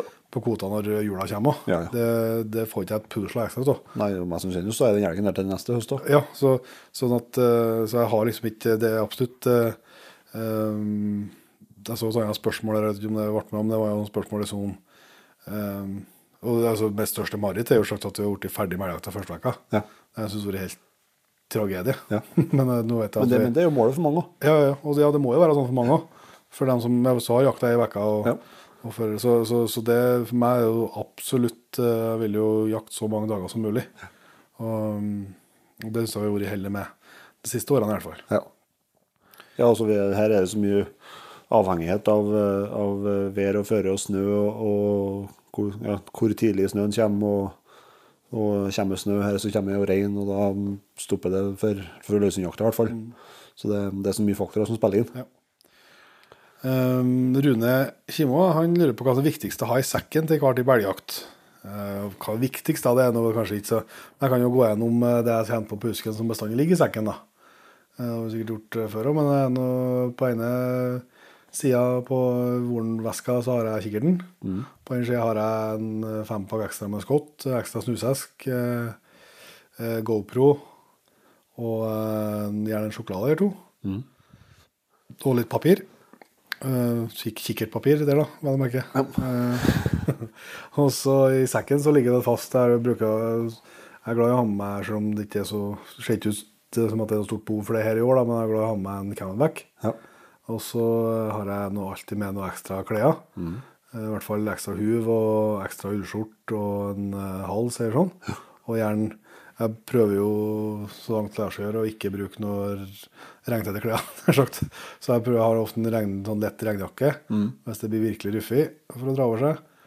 Og så um, har jeg så mer slags at jeg kan få til bål. Ja. Dasspapir. Bestandig noe tau og sånt for å dra og kunne dra noen foter og litt sånn. Mm. eller nå er det noe sånn flerbrukslina det går på, da. Mer enn inn tau, egentlig. Men også eh, eh, prøver jeg nå be- bestandig noen plastikkposser og sånt eh, hvis det skulle være at en skal ha med et hjerte eller lever eller noe til skogen. Eh, det bør nå være her. Og ekstra kniv har jeg bestandig med. Um, og så har jeg bestandig noe, Det ligger bestandig en pakke med realturmat eller et eller annet sånt. Sånn at hvis dagen skulle bli eh, Lenger enn lenger enn forventa. ja, Så at jeg kan få til meg noe ekstra mat hvis det skulle trengs. Det er vel eh, grunnutrustninga. Ja. Det er ganske lik i sekken min egentlig. Ja, det er vel ikke så Den eh, har jo bestandig en sånn eh, her eh, sammenleggbare snyltekoppene Ja. i den eh, vårlomma på høyresida. Ja, det har, jeg i venstre lårlomme. Ja, det har du. Den eh, For det må være med, for det, det er så radio å bare hver gang du passerer en bekk, og stopper opp og ta seg to kjefter med vann, liksom. Så eh, Men det, det er igjen også å anbefale å ha han der eh, multiveskene på sida av våren, for det er så jækla radio å ha sånn småtteri ja. tilgjengelig, og spesielt kikkerten på, ja, genialt. i stedet for å ha egen kikkertvesk. Uh, hvis vi tar uh, neste her, da. Frode Olmheim. Definisjon på en perfekt jaktdag? Spørsmålstegn. Og om det er fallet eller forarbeidet som huskes best? Uh, nei, jeg tror for uh, det, perfekt jaktdag uh, Det tror jeg var noe snakk om noe drømmer for høsten, så jeg kan spare den til da, kanskje. Men jeg kan ta andre sp- spørsmål. Og for min del så tror jeg nok alltid at det er Forarbeid. forarbeidet som huskes best. Ja. Um, og da, da tenker jeg på hund, hundjobben, da. Uh, det er det og, Men òg liksom altså, ikke ikke bare hundjobben. Men plan planlegging av jakta òg? Ja, planlegging av jakta, og så og hvis det f.eks. er en typisk sånn ganglos, da. At du ja, Den spenninga som er liksom å prøve å posisjonere seg og komme kom rett og få se hvordan elger er. Og Ja. uh, selve skuddet Og det er veldig Når jeg tenker tilbake på jaktminner, så er det, det er sjelden det er skuddet som eh, Høydepunktet, ja. er høydepunktet, ja. Det er jo det som Og det er jo sånn har de funnet ut for min del. eh, At dess gamlere jeg blir, dess eh, mer har eh, det som skjer før i skuddet, med opplevelser å gjøre, enn selve skuddet. Så, mm, så det er i hvert fall eh, sånn for min del. Jon Are Tellefsen har et spørsmål her som vi bare må smøre av Du litt på. får, du får kjøre den, du. Eh, Etter å ha sett noen filmer, spesielt fra Polen, lurer jeg på om Jon Inge har vurdert å drite, sier han. Før han stikker ut i skauen. Skitjakt. Skitjakt. Ja. uh, nei, det er, det er en fordel, det. Ja. Um, Tømme ryggen før man går ut. ja det anbefaler jeg. Anbefaler det. Ja. Det gjør jeg som regel også. Det, det, nei, det er Polen-greiene. det- Der er det noen som sitter og klipper, klipper jaktfilm, som, eh, eller klipper jegertoner, som eh, virkelig har vært på. Kreativ. Skrev veldig kreativ. Melder fake news. Ja den kan få, den kan, De kan få lure dem som Ja, de får ligge, ligge i lufta, sånn som Ja. det er ellers i spørsmålet. Det, Det anbefales å gjøre seg ferdig med sånt før man jakter, ja. Frode Olsen da, han har et uh, litt spennende sitt her. Ja. Det er for lite snakk om kosthold. Som kjent er jo Jegerpodden spreke karer som tramper milevis hver dag i jakt, og i tillegg eh, til å slite å dra store dyr ut av skogen og fjellet. Hvilke tips har dere i forhold til mat og drikke for å klare en lang dags arbeid, og hvordan klarer dere å restituere så godt? Nå, nå er vi virkelig ute på hengende Enten så ville han Frode Er er ironisk stilt. Enten det er ironisk, eller så smisker han. Ja. det er en av to. Men, eh, men, det, men det er absolutt et, faktisk et, et kjempeviktig, kjempeviktig tema. Vi snakka litt om det i stad, med, med snacks. Ja. Men, eh, men i hvert fall sånn som eh, jakta vår er jo kanskje med at vi har mye veiløs eh, terreng. eh, og en veldig uforutsigbar jaktform, så er jo det her med å eh, at Du vet ikke når du starter dagen om du skal gå eh, 500 meter i dag, eller om du skal gå tre mil. Nei. Det vet du ikke. Og du vet ikke om du skal holde på i en halvtime, eller om du skal holde på i tolv timer. Nei.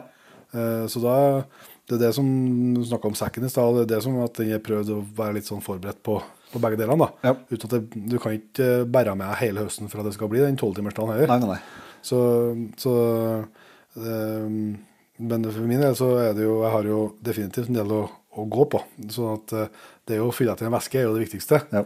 Uh, og så er det jo å ha, å ha med seg noe form for, noe form for mat. da. Ja. Men jeg er jo kronisk dårlig på å ete når jeg jakter. Eh, og det har jeg gjort på godt, det har jeg gjort på noen smeller, det, altså, men, men jeg er dårlig både til å spise frokost jeg opp tidlig, og, og kan smøre meg matpakke. Men det er ganske mange ganger at selv om jeg har gått langt og hardt, så er nå matpakken igjen Ja. Um, når dagen er over. Så det, det er noe som absolutt skulle blitt flinkere til. da. Nei, Der tror jeg litt forskjellen på oss. Jeg er heller ikke noen sånn frokostkar. Jeg er veldig dårlig på å spise frokost. Eh, Det er for at jeg vil ikke trumpe i meg mat når jeg ikke er sopping. Nei. Men eh, men klart er litt, eh, litt egg og bacon, da, da ser det straks annerledes ut. Ja, er det på å dra seg til, ja. Så mm, det, det funker. Men eh, jeg tror nok jeg jeg vil si at jeg hakker hakket bedre enn det til å ete, i hvert fall når vi er ute. Jeg prøver å ha med matpakke og, Og den, spiser jeg som regel opp på. Ja, ja, men jeg, Jeg tror, jeg tror jevnlig at så er jeg mye mer glad i kaffe enn hva du er. da. Du er jo egentlig ikke noen sånn kaffekar. Jo, men jeg er ikke så, ikke så mye. Nei, Ikke så, så jeg liker jo å jevnt stoppe og fyre opp et bål og, og få en eh, kjeft kaffe òg. Ja, det er lenge mellom meg Men jeg har aldri med meg termos ut, f.eks., med kaffe. Nei. Det, den, hvis jeg har det, så ligger den i bilen. Ja. Men jeg, har et eh, sak her som jeg jeg skal ta det med restaurasjon. jeg skjønner at det her er ironi, altså, Frode. Du, men eh, men det er, jeg tror faktisk at det er iallfall noe som jeg er ganske bevisst av, og som kanskje kan være overraskende for noen. For det, det er ikke, det er ikke hemmelighet at vi er glad til å ta oss en fest, vi som mange andre.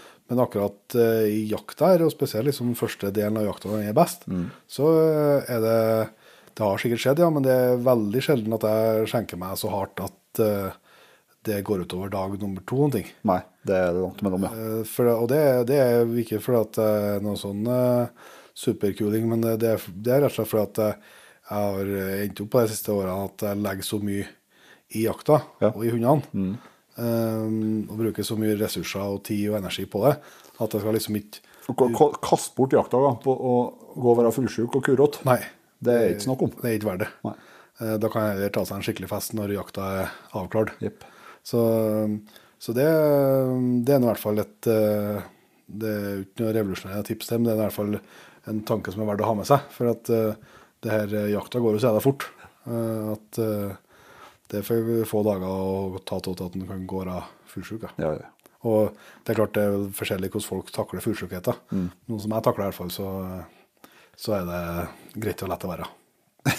Du er, du er faktisk Nei, når du er der, da er ikke brukende til Nei, noe. ikke helt. Det er helt håpløst. Nei, det, er- men det, er- det er fryktelig godt poeng. At det er liksom ikke noe Og det, og det er jo å ta seg to, tre, fire bokser og et par liter akevitt og sånn, det, Det blir noe annet. det blir noe annet.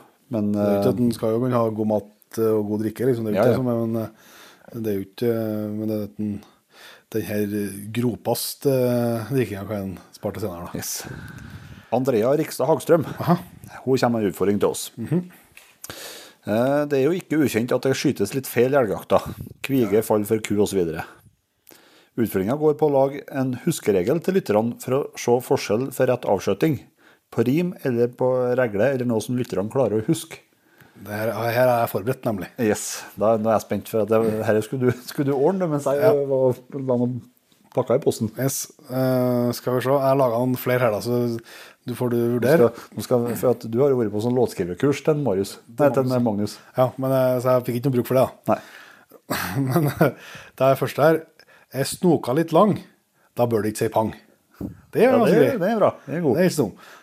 Og så eh, her, her er det litt tynnere, men det er et forsøk. Er ryggen svai, da må ikke børsa si rai rai. det, det er nødrim her, skjønner jeg, men, men det er i hvert fall Det kan være godt å ta med seg. Ja, Og så er det litt mer underfundig enn til slutt her, da. Okay. En elg på din post gir deg en underlig frost. Var hun kvige i fjor, da må hun fortsette å få sette spor. Fortsett sette spor. Ja. Det var ikke så dum. Nei, det er ikke dum. Nei da, så um, det er vel det utfordringa med at feilskjøting løst, sannsynligvis. Det, nå går prosenten ned. ja, nå er vel Ja, men det det er, var, så, så levert bra. ja, så noterer Snoken er for lang. Må, det, ikke- må børsa ikke si pang. Helt riktig. Det er, det er mulig å komme på. Ja, den skal jeg komme på. Den er sett. Så um, hvis det er noen som vil dikte videre, så må dere bare sende, sende over. Vi, tar gjerne imot en sånn i, i eh, innboksene. Yes. Så kan vi ha sånn kåserihjørne på hver episode. Men svai, rai, rai, det er jo ikke så borte lenger. Nei, da. det ikke det. Det er litt mer sånn Nødrim, ja. Ja, litt tynnere. kanskje. Mats Langfjord. Mm, største elgen deres i både vekt og gevir. Ja. Ja, jeg har ikke skutt noe særlig storokse, da, men jeg har nå skutt en, eh, en tolvtager eh, som var 270 kilo. Mm. Og så har jeg skutt en titager som jeg er ganske sikker på var større i vekt da, Ja. enn på 270. Den tipper jeg var sånn oppimot eh, 300, kanskje litt over òg, men den ble nå aldri veid. Så jeg kan jo aldri si det. Så da stopper nå egentlig rekorden på 270. Men jeg er ganske sikker på at den tispiringen var, var større Mm. Var tyngre, ja. var tyngre enn den eh, tolvspiringen. ja. Så det har aldri eh, blitt noe større enn det, da. Enda. Enda. Nei, hva Det er 13 og 15 som er største av mine, men ingen av dem som er noe stor i kroppen. Det er sånn 22-32 der omkring. Eh, de, de elgene der. Så den største elgen i kilo har skutt i, det er faktisk ei vokseku. Ja, det tror jeg sier. Det overrasker ikke meg i det hele tatt. Nei. Det var, det, det var jo et merkeprosjekt eh, den eh, tida jeg gikk på Evenstad og på høgskolen der, og vi skulle avlive eh, merkeelgkyr. Ja. Så hun hadde jo et hardspann rundt heisen. Ja, så det var ikke at du Men den var 241 kilo. Det, det, er, det er jo bra å vite at jeg skulle til større enn det. Det kan jeg ikke ha liggende på minnet. um, Sigurd uh, Austefjord Stalleland han uh, lurer på den største drømmen for høstens løshundjakt. Den uh, har jeg klara. Ja, da skal du få kjøre. Det, da er vi ute i oktober, sannsynligvis rundt 20., kanskje. da. Så eh, blir jeg sånn eh, Kanskje 25 nå, kan være, så vanskelig å si. Eh, men da blir jeg sånn Da kommer første snøen, Ja. legger seg, så vi får en sånn 5 cm, 7 cm kanskje. Skikkelig snøfall som ligger. Og så dagen etterpå da, så blir det rundt null grader og sol. Så at det er mjukt og fint og stilt å gå i. Så ut og slippe en hund det kan jo flest bo i Rex da, man se for seg. Eh, Så finner en eh, så blir los og kanskje flytter litt på seg og litt sånn, og litt sånn fram og tilbake, men så blir det stopp, da. Og så helt liksom øverst, jeg ser for meg helt øverst i fjellbjørks... Kjenner jeg deg rett, så du ser for deg akkurat hvor det er nå? Ja, jeg har ganske god peiling på hvor det skal være hen. Ja. Og der skal han liksom Og det er sånn Det blir så kul lyd når det er sånn, for at eh, du hører jo Samtidig så er alt dempa Ja. på grunn snøen, men, du, men det er ganske klart lufta for dem. Så det er liksom lyden bedre på et visst godt ledd, men den blir så dunk, dunken liksom på noe vis. Så det er feit lyd.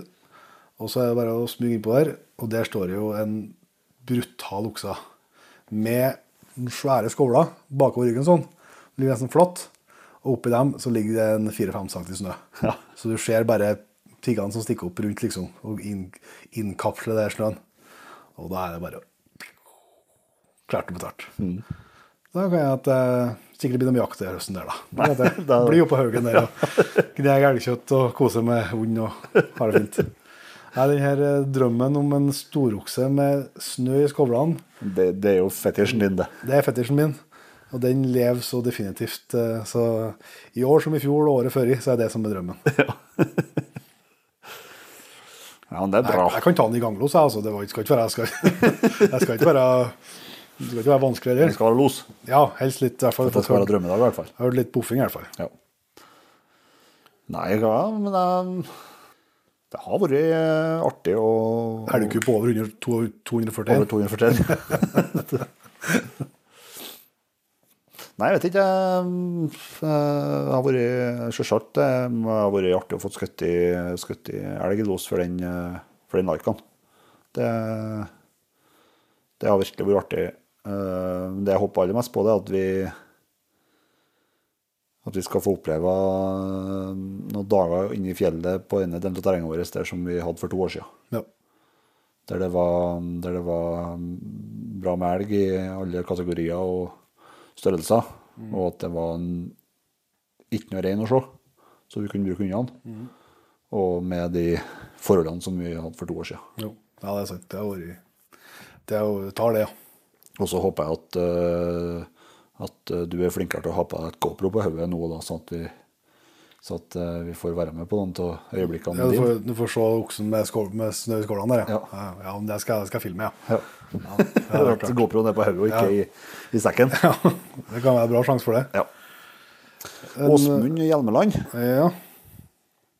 Eh, Han kommer med et dilemma til oss. Alltid bannhundjakt med svarthund og muligheter for å lykkes, eller alltid springelg med løshund? Fortsatt muligheter for å lykkes. ja. Nei, altså Har muligheter for lykkeskriving, altså. Det er jo greit. Eh, Nei, det kommer jo litt eh, Jeg har jo absolutt trua på at det her båndjakta, eh, samme hvor hund som er framme i det båndet, da, er steikende penest, det, altså. Ja. Eh, Så det Jeg har ikke hun godt å prøve meg som båndjeger, men det er nå en gang sånn at uh, borti særs glad i losen, da.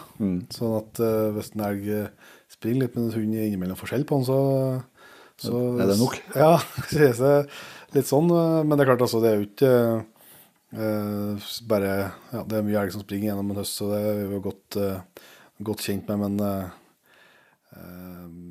Nei, jeg er nok for glad i det her løshundjakta foreløpig til at jeg vurderer å bytte ut den med, med å ha en hund i vann. Mm.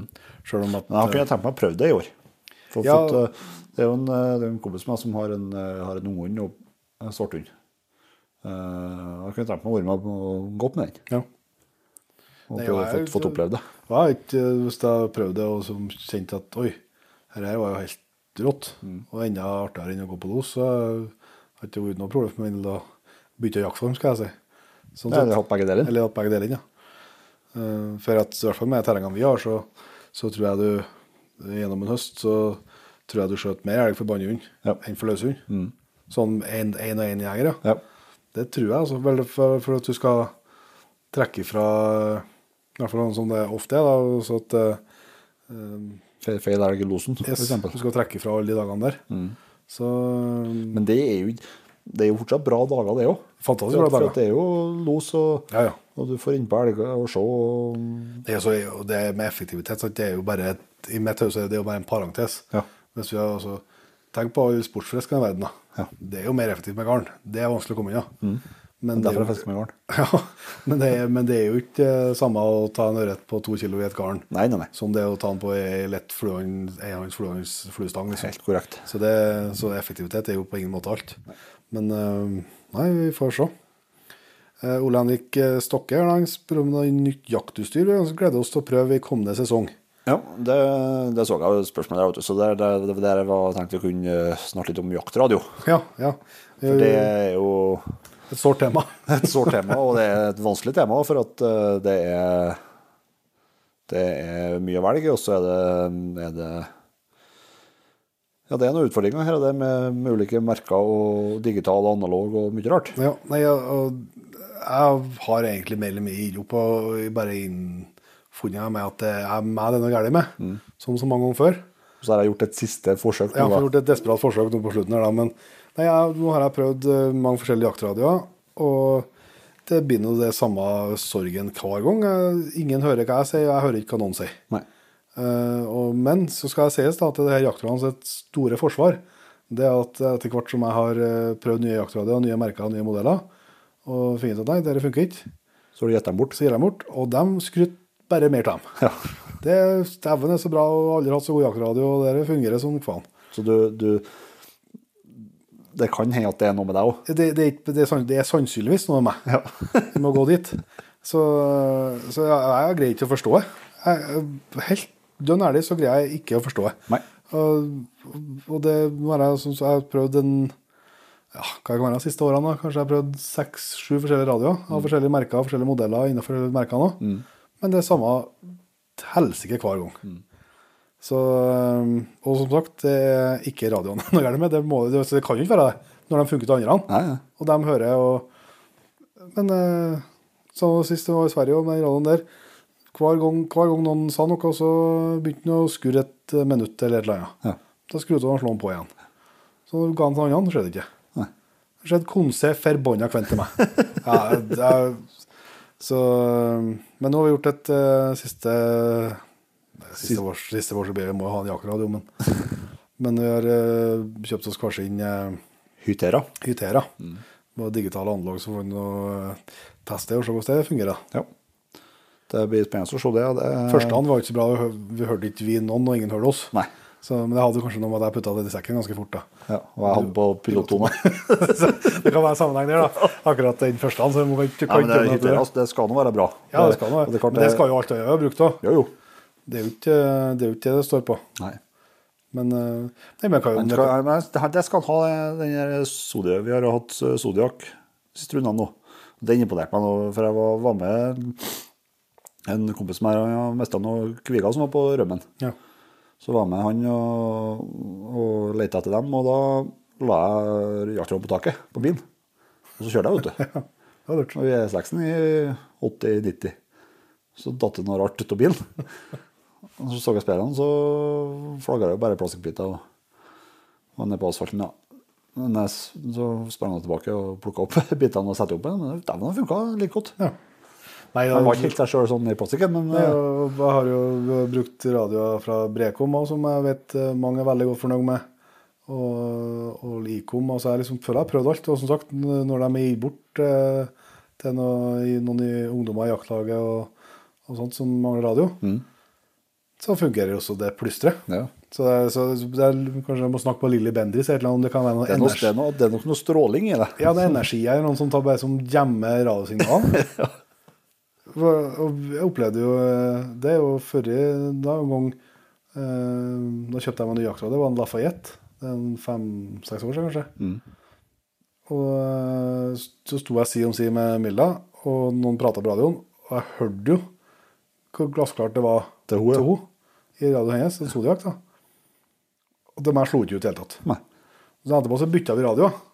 For at jeg forstår som Samme skjedde igjen. Så det, er det, det, det er åndenes makt, altså. Ja, ja. Eh, Men sånn, bare beklager, det er ikke det er det, deg, det er meg, som vi kan si. Det er derfor, det, og det er derfor vi tar det. Det er derfor vi selger jakta lenger i nettbutikken. Ja, for at det, det får ikke Vi må, må jo for Klart funker for meg, så funker det alt alle. Eh, Martin eh, Poland har en litt sånn spennende dilemma her. Eh, Kalv i kjempestålos som første dyr for unghund, eller gullkron som 20, med gullkrone som 20. elg for en rutinert hund. Og det her er ikke så beint fram som man kanskje skulle tro, vet du. For, eh, men det er klart det kommer an på unghund. Ja, Om det er din, eller om det er en annen sin. Nei, det Nei, er om det er din. Nei, det, ja, hvis du tenker at begge er sin egen, da. Ja. Både rutinerte og så, så er det jo sånn som vi snakka om Rex i fjor. Så Men du, du avslutter jo sesongen med å skjøte kalv for han. ja. Ja. Og, men, men det er liksom om eh, Hvis jeg hadde valget sånn midt på høsten med han, og skutt en kalv for han, eller en gullokse for Dime, så hadde jeg tatt gulloksen for Dime. Ja. For jeg visste at eh, Rex det, liksom, det, var, det var jo litt sånn sutter og plag i starten, der, men så plutselig så sa jeg jo knepp, og så funka jeg. Ja. Så da visste jeg jo at det her er jo bare et spørsmål om tid. Ja. Det er bare et spørsmål om at vi finner rett helgen, liksom, så blir jo det greit. Eh, men samtidig, eh, som jeg drev og surra f.eks. med Tinka, Ja. så har det nok betydd Det har nok heller vært en kalv Ja. med en hund som jeg plagdes, plagdes med å fått i gang skikkelig, og, Ja. og som vanskelig å få det neste steget. Da tror jeg heller det har vært en, en kalv for den eh, For den hunden også, også tatt eh, tatt gulloksen senere. Men det er liksom gulloksen når du har sett gulloksen for det, Ja, for det, det, det, det, det som er forskjellen, er det, det er som bekkelasset til meg. Jeg har vært- jeg har vært en tolvtaker, eller Ja, for at eh, ei gullkron Det fins nesten ikke. det, det er så lite elger Ja, ja. som skjøtes hvert år, som oppnår gull. Ja. Det, er, det er så langt mellom dem Det at uh, får du nå den sjansen, så må du ta den. Jeg har skåret på kvota hele året, vet du. Ja. Så, um, Så det Nei, den er ikke så vanskelig til meg, nei. nei, det må klart, du ikke har vært gjennom, du har vært gjennom uh, flere unger enn hva jeg har, da. Og kanskje streva mer med, med noen dem. Ja, altså jeg tror sånn på en, på en uh, unghund som, uh, som du skjønner at dette her blir, så er liksom, det er jo styggere å se førsten da òg, men, men da er det mer sånn som jeg var inne på, så da handler det nesten mer om, om å bare uh, ja, endelig ble det, liksom. Ja. Mer enn at uh, yes, nå kanskje kan dette bli, liksom, når får vi betalt. Vangen 1999, da. Han kommer med følgende utfordring. Jeg har en jevnthund som går ut i fine søk, og når han først finner elg, så loser han, for så å springe etter elgen i 300-500 meter. Så snur han og kommer tilbake til meg. Hva skal jeg gjøre? Ikke gjøre? Trenger sårt noen tips. Um, eh, Det, ja. er, det er jo et godt spørsmål. Det er et godt spørsmål. Og den som har visst svaret på det, men, men eh, det høres nå ut som at det her kommer til å bli, da, tenker jeg. da. Det er den første. Eh, Det så, kommer litt an på hvor gammel han er, for det står ikke. Nei, det står hvor ikke, men det- men, men det, det høres jo ut som at interessen er der i hvert fall, da, for å, for å være med elgen. Så det er et, eh, en mulighet som jeg har tenkt på når jeg leser spørsmålet, er nå f.eks. hvis dere er på jakt og har blir skutt en elg, og det ikke er noen hunder i nærheten, eksempel, så gå inn på det sporet Ja. til den elgen og slipp den i det sporet. Og la den for å komme fram til den døde elgen. Så at den får eh, kanskje fyra seg opp og holdt på litt med den. Ja. Kan være verdt å prøve. Så går det an å gjøre sånn som du fortalte at du gjorde med en marsj på hjorten i starten på episoden her, at du eh, blir med den fram og, og motiverer den til å fortsette på sporet. Det er en mulighet.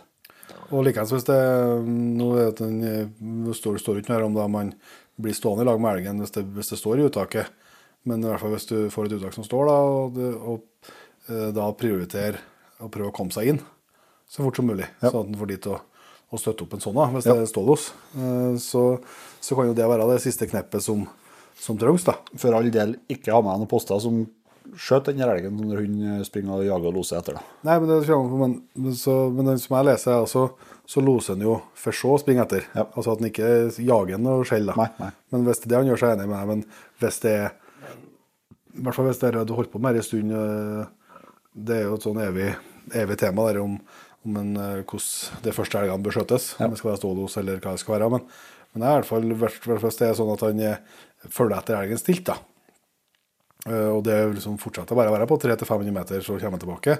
Så jeg, da tror jeg at jeg ville på et eller annet tidspunkt ha prøvd å skutte den elgen da, Ja. som springer. Ja. Bare så at den får belønning for å bli med Ja. eh, og fortsette. Men, eh, men i hvert fall det er jo det er ikke være litt forsiktig der òg. Litt som vi snakka om med søkis. Altså ikke, det er lett å tenke at elgen har tatt ut og sprunget, og så kommer du tilbake. Så er du kanskje på et vis glad for at den har funnet elg og tatt ut elgen, men kanskje ikke eh, fram med storskruten når han kommer tilbake. da. Nei. Selv om du er kanskje glad for at eh, nå skjedde noe. Så heller bare Motiver den for å fortsette? ja, eller bare bli med. Ja. Bare gå, i, gå etter uh, Mm. Anders Lunde han lurer på hva det går mest av i jakta. Om det er snus, sjokolade eller øl. Og Der er vel svaret snus. Ja. Men jeg tror nesten det går mindre snus i jakta enn ellers. Kommer litt an på jaktene. Kommer an på jaktene, ja. Men uh, noen dager så går det veldig lite snus, og noen så går det veldig mye. Da. Så snittet er vel kanskje på som vanlig likevel. da. Men Det går også skal vi si, øl på andreplass og sjokolade på tredjeplass. Ja. Håper det. Det er fasiten min, i hvert fall. Ja. Uh, Kenneth, Helgesen Øyen han lurer på han skriver følgende ja. Eh, Det er julaften 2023 og jakta er over. Hva skal til for at dere er fornøyd med høstens elgjakt? Um, ja, nei jeg, jeg har Mye godt hundearbeid som blir belønna. ja, jeg har ikke noen sånn, eh, sånn kjempeklare mål i fjor. Da. Det er jo veldig sånn tydelige mål med ungene. Mm. Så jeg har liksom ikke helt det samme klare målet i år, sånn sett. Men eh, det er som du sier, at en har fått, noe, fått noen fine opplevelser og, og fått belønna noe bra hundearbeid. Ja. Um, har jo et eh, Og så håper jeg jo det, det er kanskje ikke om jeg er fornøyd eller ikke, men at eh, jeg håper jo at jeg har eh, klart å komme på en konklusjon på vegne av Freya. Ja. Um, om jeg fortsatt har trua på at hun blir, eller om noen andre skal få sjansen til å, til å prøve å få det til i stedet. At jeg liksom i hvert fall har, føler at jeg har fått nok informasjon til at jeg kan gjøre den beslutninga, i hvert fall. Ja. Om det er det ene eller den andre veien. Um, så det, men det er ikke noen Men det er klart eh, Jeg har ikke noe sånn eh, at kvota må være fylt, eller at det skal være skutt i så eller så mange, eller eh, Det har ikke noe sånn tilnærming i år, i hvert fall. Men få, jeg håper jo sjølsagt å få at det blir felt elg for alle hundene. Og gjerne, gjerne noen flere, òg. ja. Eh, Lars eh, Anstad, eh, hva er den lengste dagen vi har hatt på elgjakt, og hva skjedde? Eh, lengste dagen på elgjakt Ja. Det er jo hva du legger i, da, men eh, vi har nå ganske mange lange hvis du da Hvis du sier at det er eh, hundkobling eller kjøttbæring eller få fram elg ja. innafor. Da holder vi på å snakke snakke ganske mange timer. ja. Nei, den dagen som du snakka om når du skulle storoksen der, Ja. det var, noen, eh, det var jo en seig dag. Det var noe mørkt før vi kom ned, og, og ganske Det var sekk. lenge før vi kom ned. Ja, og ganske seig sekk på, eh, på turen ned der òg. og så hadde vi jo en dag en annen dag i fjellet der vi skjøt tre på én dag. Mm. Eh, det var ikke så lang bæring, da, men det var desto mer bæring. Mm. Eh, så det var noe ganske Men da var det noe litt flere å fordele på, så da gikk noe, det gikk noe greit likevel. Um, og så hadde jeg sånn Jeg hadde en sånn uh, uh, Hatt noen langdager i, i snøen, ja. Men um, Kanskje den seigeste eller sureste dagen, jeg vet ikke hva jeg skal si, men det var for noen år siden. Da, gikk, da kjørte vi rundt og inn i Sverige, og så for å komme inn i rett vind til, til den dalen vi skulle slippe hund i.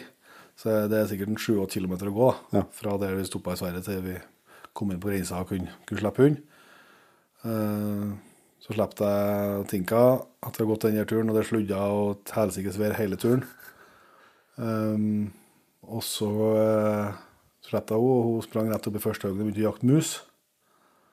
Da var jeg ganske Det ble en lang dag. det ble en lang dag. Og til slutt så fikk jeg noe bort fra musletinga, og så tok han faktisk ut en elg, eh, men det var rett foran fotene på oss, så det så aldri hva det var, eller bare så en skygge gjennom skogen. Og venta på henne, og så var det noen ja, jeg fem-seks kilometer gå kanskje ut av dalen. da. Og Vi kom nesten på utsida der, så vi kom i radiodekning for resten av jaktlaget. Så viste det at de var skutt en elg oppe i fjellet og om oss. Så da var det nå bare å snu snuten opp dit da, og klatre opp på fjellet og få et elg, elglår i, i sekken. Og så bare det ned til dit vi kunne komme med, med kjørtid. da. Ja. Det var en ganske seig dag, ja. Ja. I hvert fall liksom når det har gått og det var alt var gjennombløt, for det er jo- sånn sludd, sluddag, så det er hjelper ikke om du Kanskje hvis du har oljehyre, så kan det være berg som noenlunde, men med alt mulig annet så blir du gjennombløt. da. Og så da er, når vi kom dit og fikk radiodekning, så har du kanskje bare 20 minutter igjen å gå, så er du til veien. da. Og så fikk den kontrabeskjeden at eh, nei, dere skal være med bare. det, var en, eh, det var en lang dag, ja. Ja, nei, det er ikke Det er jo det kjøtt eh, det er jo hvis, det, hvis du skjøter sent på ettermiddagen og det blir kjøttbæring eller transport i mørket, det er jo det som Det er, det som, det er da det blir lange dager. ja. Det, Så lurer jeg nå på, Lars, hvor mange elger er det meste vi har fått i løpet av én dag. Ja. Um, jeg tror det meste jeg har vært Eller jeg vet vel, det kan ikke være noe mer enn det. Det er sju elger. Fram til klokka tolv ja. Dæken takk for det var. i Figgadalen. med Alexander, Ja ja. visst, ja. ja. Jeg skjøt jo ikke noen, da. Men, eh, men eh, jeg var inne på en los, men jeg var på feil side av grensa. ja. Det er bra. Sju, sju på en formiddag. Ja, sju på en formiddag. Og det var, til det var det Til jeg kjemperett, så var det seks kalver. Ja. Og alle kalvene var til forskjellig tvillingkusett. ja. Og det er ikke store terreng heller. Nei, 3000 mål, da. Så Da smalt det ganske jevnt, ja. Ja. Og det var jo en artig historie, for at eh, det var i starten på oktober, så var vi eh, bortbedt på 70-årsdag eller 75-årsdag i Trondheim. Ja. Og dere har gjort litt nummer ut av, og var uttalt ganske skeptisk til at vi skulle på jobbersdag med teljakta. Ja. Eh, Men det var jo ikke bønn, jeg måtte være med på det. Så det måtte bare innfinne seg. Og så, men så fant jeg ut at eh, men jeg rakk jo vei og jakt med dem på formiddagen der, Ja. før vi skulle til Trondheim. Ja. Så, så jeg måtte dra klokka tolv.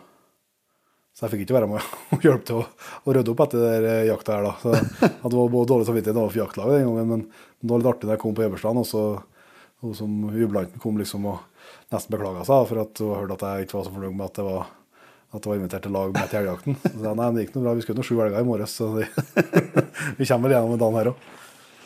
Jeg tror vi, vi hadde en hjertelig dag ved den kompisgjengen fra Østerdalen og forskjellig. Vi, var- vi skjøt fire elger og en hjort på én dag. Ja.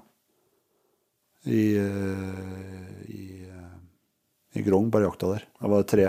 Og det var bare løshundjakt. Ja. ja, da går det godt. Ja. Og tre kalver og en tolvtagger på, på en og samme dagen. For fire forskjellige hunder. Det var en ganske bra dag. ja, det er en bra dag. Jeg var var på fem en gang òg, på Håndskalen. På en dag. Ja, stemmer på det drevet der, ja. Da rulla jeg på ganske godt en stund, ja. ja. Så noen, eh, det har vært noen bra dager òg. Det var det. Martinitus. S -s. Han lurer tre s vet du. Hva foretrekker dere best? Elgjakt i Norge eller elgjakt i Sverige? Eh, nei, jeg har ikke jeg har noe sånn eh, altså, Jeg liker jo elgjakta jeg har hjemme her, bedre enn elgjakta jeg har i Sverige. Ja. Eh, det handler jo om at eh, i Sverige så er vi i skogen, og her er vi til fjells. Så jeg liker jo det bedre, men jeg vet jo at det finnes jo definitivt sånne fjellområder i, i Sverige òg. Så jeg har tilgang på dem, så jeg nå trives like, Like like godt der, begge plassene, tenker jeg. ja. Er det ikke noe samme hvilket land de står i? Ja, det, men jeg, sånn eh, eh, som, som hundfører så kan en jo se litt på det her Klart I Sverige så har det løshundjakta enda lengre tradisjoner. Ja. Det har det området i Norge har like lange tradisjoner, men, men i hvert fall sånn i Trøndelag da, så, så er det sånn. og da, det er klart De har en helt annen tilnærming til elgjakt mange plasser her, da. Ja. De, det finnes jo mange lag der de, de, du har én post. Ja. Den har du hele høsten. Ja. Og der sitter du klokka sju om morgenen til du får beskjed om noe annet. Ja. Og alle bål og et og kose deg. Og klart som hundfører så øh, ser en jo fordelene Med det, ja. med måten det blir gjort på der. At det blir mindre rødelse i skogen og, og sånn. Men uh, som postar så uh, greier ikke jeg å forestille meg at jeg Nei, nei, kunne ha tålt det, liksom. Så, så sånn sett så liker jeg vel kanskje Men det er jo som sagt, det er jo helt sikkert elgjaktlag i Norge som har det på samme vis òg. Så, så, men, øh, men sånn for min del i hvert fall så den tradisjonen med det, det her langsettinga som man har mange plasser i Sverige, det, det har jeg nå sett ganske mørkt på. Ja, da, du verden. Det har ikke tålmodet vårt passa til, nei. Eh, Cato Bakke, hva er det beste jakttipset dere har eh, vokst opp med, og som har fulgt med oss hele veien? Tenker da på noe som kanskje generasjonene før oss har sagt og fortalt videre. Det. Var litt eh, tenk skal om òg. At den ja, Du og brorsan bruker å si at de vil helst, helst oppover. Ja. Han vil helst nedover, han. Så vi er ikke helt samstemt der. Én tar feil. Um, nei, eh, det er jo kanskje det er for veldig kjedelig, da, men det er nå et eh, Det er nå et, eh, et godt poeng uansett. Det er jo det at en aldri skal angre skudd en ikke har skutt i. Um, hvis du greier å etterleve det, så, så kommer du langt, da. ja. Eh, Jeg ser at du, du er- og det, Men altså, det går ha, vi har det mye artig med at ikke folk skjøtter. Det er en, en sterk forkjemper av. Så det, men det er, jo et, det er jo et veldig bra prinsipp. Ja. Fordi at eh, det Alle vi som har prøvd å skutte i skott som vi angrer på etterpå, vet jo omtrent hvor litt artig det er. Ja. Så eh, det er nå vel eh, kanskje det enkleste å komme på, i hvert fall. da. Jeg ser liksom ikke sånn Ja, det er jo det er klart du har fått masse gode tips fra erfarne jegere opp igjennom Men det er liksom nødvendigvis ikke at Jeg syns ofte, hvis vi spør om jakttips bestandig med gjestene våre, så det kommer jo mye bra, sant? Men, men det er jo eh, det, det er jo ofte litt mer sånn i generelle termer. Ja. Altså Som f.eks. å være tålmodig eller Aldri gi opp. Mm. Aldri gi opp, ta seg god tid. Eh, alt det her som er Som en eh, prøver å prøver å, å minne seg på. Men eh, så har jeg litt trua på et Mulig vi kan komme tilbake til på andre her, men, men det er sånn, og sånn, mer sånn generelt tips som jeg ønsker at jeg skal bli flinkere på sjøl. Det er jo å stole på Stol på den første ideen, den første tanken du får. Eh, og det er jo samme om det om du lurer på om herre Vi var inne på, på ku og kvig. Ja, ja. Eh, hvis du ikke med en gang er helt sikker på at det er kvig, så tror jeg, i hvert fall når du har sett litt elg, så tror jeg veldig lenge mellom at det er kvig. Ja. Eh, og likeens er sånn som jeg ofte syns jeg roter til for min egen del, det er jo når det er typisk en eh, Om det er en ganglos eller, eller sånn, da, typisk, og så får jeg en idé om at jeg skal dit. Så begynner jeg å gå dit, og så ser jeg på peilen, og så, så ser jeg at nå har pila flytta seg litt. Så begynner jeg å gå litt andre veien. Nei, så går jeg, begynner jeg fortsatt igjen. Og så blir jeg gående i en sånn limbo midt imellom, Ja. som i hvert fall ikke er noe gunstig. Istedenfor bare stol på at den første ideen, første tanken slår deg. Ja. Nå burde jeg vært der. Ja. Stol på den, og så gå dit. Og blir jeg feil, ja vel. Istedenfor at uh, For du verden hvor mye jeg har rota bort eh, på, på å midt imellom. Ja, at man blir ubesluttsom, ja. Ja, ikke greier å bestemme seg. Ja. Så, så det å stole på eh, om det er magefølelser eller det første, første instinktet, det, det skal jeg i hvert fall prøve å bli flinkere til sjøl. Bra. Stoa Herman. Ja. Kun jakt bjørn resten av livet, eller kun jakt elg? Um, eh, ja, altså sånn som verden er nå, så er jeg jo ikke noe tvil om at det fortsatt bare jakte helg. For det har blitt veldig lite jakt, da. Det er blitt det. Men hvis, hvis man sier at det har vært likestilt, altså det har vært like mye bjørn som det er elg i dag, eller motsatt, Ja. Så- Og like, like lang jakt. ja, og like lang nok, så må jeg jo si at det her eh, det lyset jeg har opplevd av bjørnejakt eh, når bjørn er på fotene, og det er action, det er jo Formel 1 på et nivå som jeg ikke har opplevd på noe annet. Ja, det er det. Det er det. Men ja, Det kommer an på prinsippene her, men eh, sånn som det er per i dag, i hvert fall, så Nei, det har ikke vært å tenke på. det er ikke, det er ikke å tenke på, nei. Da, elgkjøtt er mye bedre enn bjørnekjøtt. Ja. Eh, og så har han ikke samme slengen å jakte resten av livet med dårlige hunder, eller bedrive bare jakt uten hund. Oi. Det er jo vanskelig, for at en dårlig hund er jo ikke en dårlig hund. Nei. En dårlig hund eh, altså, så Kan er, få, kan få til tingene, jo. Ja, og så, ja, og så er det liksom sånn Vi snakka om det på en Egil Sandbakken, Ja, ja, med han vet du, helt håpløst. Han snakka om det liksom med, med terriere. Ja. Sånn at det var så lite som skilte en altså, fra å være ubrukelig til å være fungerende. Ja. Altså, det, det, så, det så, men på en elghund så, så kan jo det som er for en dårlig, jeg opplever som en dårlig hund, Ja. det kan jo være en fantastisk god jakthund til en annen. Ja. Basert på terrenget de har, eller hvordan de vil jakte, eller hvordan de vil at hunden skal oppføre seg. Ja. Um, og en eh, middelmodig elghund som eh, kan du få noen fantastiske og artige opplevelser med. Ja. Kanskje må du tilpasse jakta di. Du må jo tilpasse jakta etter den hunden du har. Ja, så, sånn at det er jo liksom Men hvis det er, liksom, hvis det er en eh, Hvis det er eksempel det her det er snakk om, en eh, dårlig hund på det nivået at du har en hund som går ti meter fra deg og ikke bryr seg om elgspor, ikke bryr seg om når det skjer en elg, eh, ingenting, nei, da, da er det klart at da er det jo mer fristende å smyge eller å eller å eh, eller finne på noe annet. Ja. Men uh, hvis det er liksom sånn passelig dårlig, så tror jeg heller har tatt eh, det enn å jakte Det er alvor i dag. Du driver og runder av de dilemmaene litt. Ja, men uh, ja, Det er ikke det som er poenget med dilemmaet. Det skal være du må jo legge føringene først. Du burde jo visst som politiker. Du svarer jo ikke, du aldri svare på det Det er aldri noen om. noe føring av det. Du skal aldri svare på det spurt. Nei. Eh, skal vi se. Magnhild DH. Hva slags vær erfarer dere er best for elgjakt?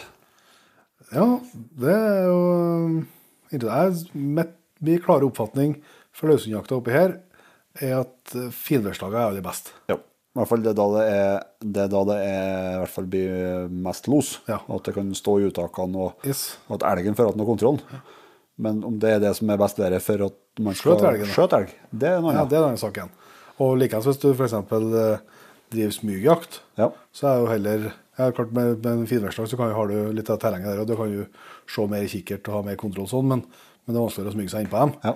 Um, så det er jo litt eh, det er jo avhengig av, avhengig av jaktformen, men, men for løshundjakta, og spesielt jakter alene, så, så um, tror jeg nok definitivt at jeg hadde valgt uh, bare finværslaget. Jeg. Jeg tror, jeg tror jo at, jeg tror jo at det, den ser litt dyst, sånn som værvarselet, langtidsvarselet ser ut nå, da, for jakta oppi her første veka. Mm.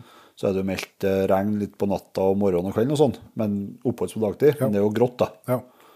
Uh, for for løsningjakt sin del så er det Det er bra, det. perfekt. ja, det er fint, det òg. For at da Først så er det veldig god vitring i skogen, og så er det også meldt en sånn 4-5-6 Grader, meter i sekundet. Ja, det er litt mer grader, kanskje. Sju grader. Eh, Og det er tilnærmet perfekt, da, for da får du, da, det er fuktig i lufta, det, skogen er litt tung, du, det er greit å komme seg inn på losene, og så, og så eh, er det fint for hundene. Det er, Ja. ikke noe, det er ikke noe varme eller noe sol som steker. eller sånt. Nei, altså i hvert fall hvis det, blir, hvis det er skikkelig mye regn på natta, så virker det som at elgen kommer ut og, og rører seg og beiter. når det ja, blir- når det begynner å lysne. Ja. Så at det er mer lukt i, mer lukt i skogen sånn da. Så selv om det, det, ikke, det er ikke noe sol å se på, på Yr i nærmeste framtid, men sånn eh, jaktmessig så, så ser det bra ut, ja. Så det, men det er klart det er surt når det er striregn, da. Ja, det er liksom Ja, det er som den turen vi som noen har sett film fra når vi jakta elg oppe her i, i fjor, sant? spesielt den første der. Sant? Også det, Ja, når vi jakta rundt vannet oppe i fjellet. Ja. det regna jo så infernalsk og hard vind attåt da. Ja. Det er jo Da fins ikke et klesplagg som er, som Nei, nei, nei. regntett. Nei, og så er jo ikke det samme Det er jo ikke samme trivsel med det samme om du skjøt en elg og liksom skal begynne å Jeg har vært med på den runda og skal begynne å slakte elg på skinnet på bakkene. liksom i Nei, det, nei, det- det blir bare gris og søl. Det er ikke noe Nei, vi har satt på finværet. Eh, Tommy André Kvello. Ja. Hvis dere tenker tilbake til dere starta med elgjakt, hvor mye har dere utvikla dere som elgjegere? Og hvor stor forskjell føler dere det er på dere sjøl som jegere fra da til i dag? Erfaringer, tanker osv. Det er jo et stort spørsmål, da. Det er et stort spørsmål, ja. Det, men eh, det er jo ikke noe tvil om at det har Dæken har utvikla seg fra, fra man var 15-16-17 år, ja. Og Ja. Det, men det er klart det er jo interessene som har dratt den dit, dit man er i dag. Yep. Både jeg og du starta jo, på, jo jakt på store jaktlag. Ja, ja. Personer og, og eh, satt på post, og det ble drevet driverekk imot og alt sånt. Og Ja, så, sånn sett så så har det jo man har utvikla seg som, altså man har utviklet seg som jeger. da, Ja, ja. Man har gått ifra det og over til at, man, eh, til at det kun er hunder som er i fokus. Ja, altså ikke at det er viktig å påpeke at det er ikke at det er noe som er bedre råder enn noe annet. Nei, men, men, det er jo utvikling Ja, av seg sjøl. Det er det jo. Ja, og det, for min del så tror jeg det handler i stor grad om at eh, eh, det er jo ikke bare på jakta, kanskje ellers i livet. Og for min del så jeg liker jo å legge meg bort i ting. Og liker å, å være med og bestemme litt og se litt og vurdere. Ja, og, og det er jo liksom det å, å bare måtte, i hermetegn bli sett på en post. Um, Syns ikke jeg er like givende eh, som at jeg kan uh, være litt mer påvirkende i, i jaktutførelser. Så det er klart at det gjør jo at en, som du sier, at en har, uh, har utvikla interessen sin der. Samtidig så vet jeg at det finnes eh, ganske mange, om ikke til og med alle, som er bedre til å sette på post enn meg. da. Som både er flinkere til å sitte i ro og være stille, og ikke minst ha trua på at her, her kan det komme noen ting. Så, så det jo, kan jo utvikle seg som jeger uansett uh, hvor, uh, hvordan jakter og hvordan uh, bedriver jakta. Men, men det vil jeg også si at, at det er stor forskjell på, på eh, Jon Petter eh, 16-17 år på elgjakt og Jon Petter 34 år på elgjakt. Ja. Um, Sjøl om jeg skjøt rumpa like mye elg. så så, så syns jeg det. Ingrid Greni og et eh, spørsmål som eh, vi må ta med. Hun lurer på om skulle pris på jaktterreng ha fått regulering, sånn at alle kunne hatt muligheten til å leie terreng i gode områder. Eh, det kunne hun selvsagt sett for seg. Samtidig så Alle har jo muligheten til å leie terreng i gode områder. Det, er jo, det handler om, her handler jo om prioritering og hva man velger å bruke pengene sine på. Ja, det er klart, men for noen så vil det jo være for dyrt uansett, skal jeg si. selvsagt. Så, sånn, og så, sånn er jo på vis verden. Men Sånn er jo for oss òg. sånn er for oss. Ja, sånn er for alle. Så, men det, jeg tenker at det er feil hvis du skal ha regulering. altså Det som man selv kunne ha sett nærmere på, det er jo eh, det som er priser til typisk Statskog, da. Ja. Som er en statseid bedrift. og og som, eh, som, som er en stor og sterk eh, bedrift, kunne de ha, kunne de ha hatt enda lavere priser enn de har. Det er jo på vis, Sånn som det fungerer i dag, så er det jo på et vis eh, Statskog som, som måtte sette Det finnes jo helt sikkert private hvor folk kan komme over noen plass som er enda rimeligere. Ja. Men sånn i prinsippet så tror jeg at i utgangspunktet blir det prisene Statskog som blir utgangspunktet for de aller fleste. Både fjellstyra og, og selvsagt Statskog-eiendommene. Mm. Skal- Og det skal jo være det som, som sikrer allmennheten tilgang til, til jakt. Eh, Så kan en selvsagt diskutere om de prisene skulle vært enda lavere. Det syns jeg man kunne ha tenkt seg til. Ja. Eh, Nå vet ikke jeg nå kjenner ikke jeg Statskog godt, at jeg vet ikke hvor stor andel av uh, inntjeninga deres som kommer fra elgjakta. Eh, Så det kan være et helt avgjørende sted for at de skal kunne drive eh, organisasjon og, og passe på eiendommene og alt som, som hører til.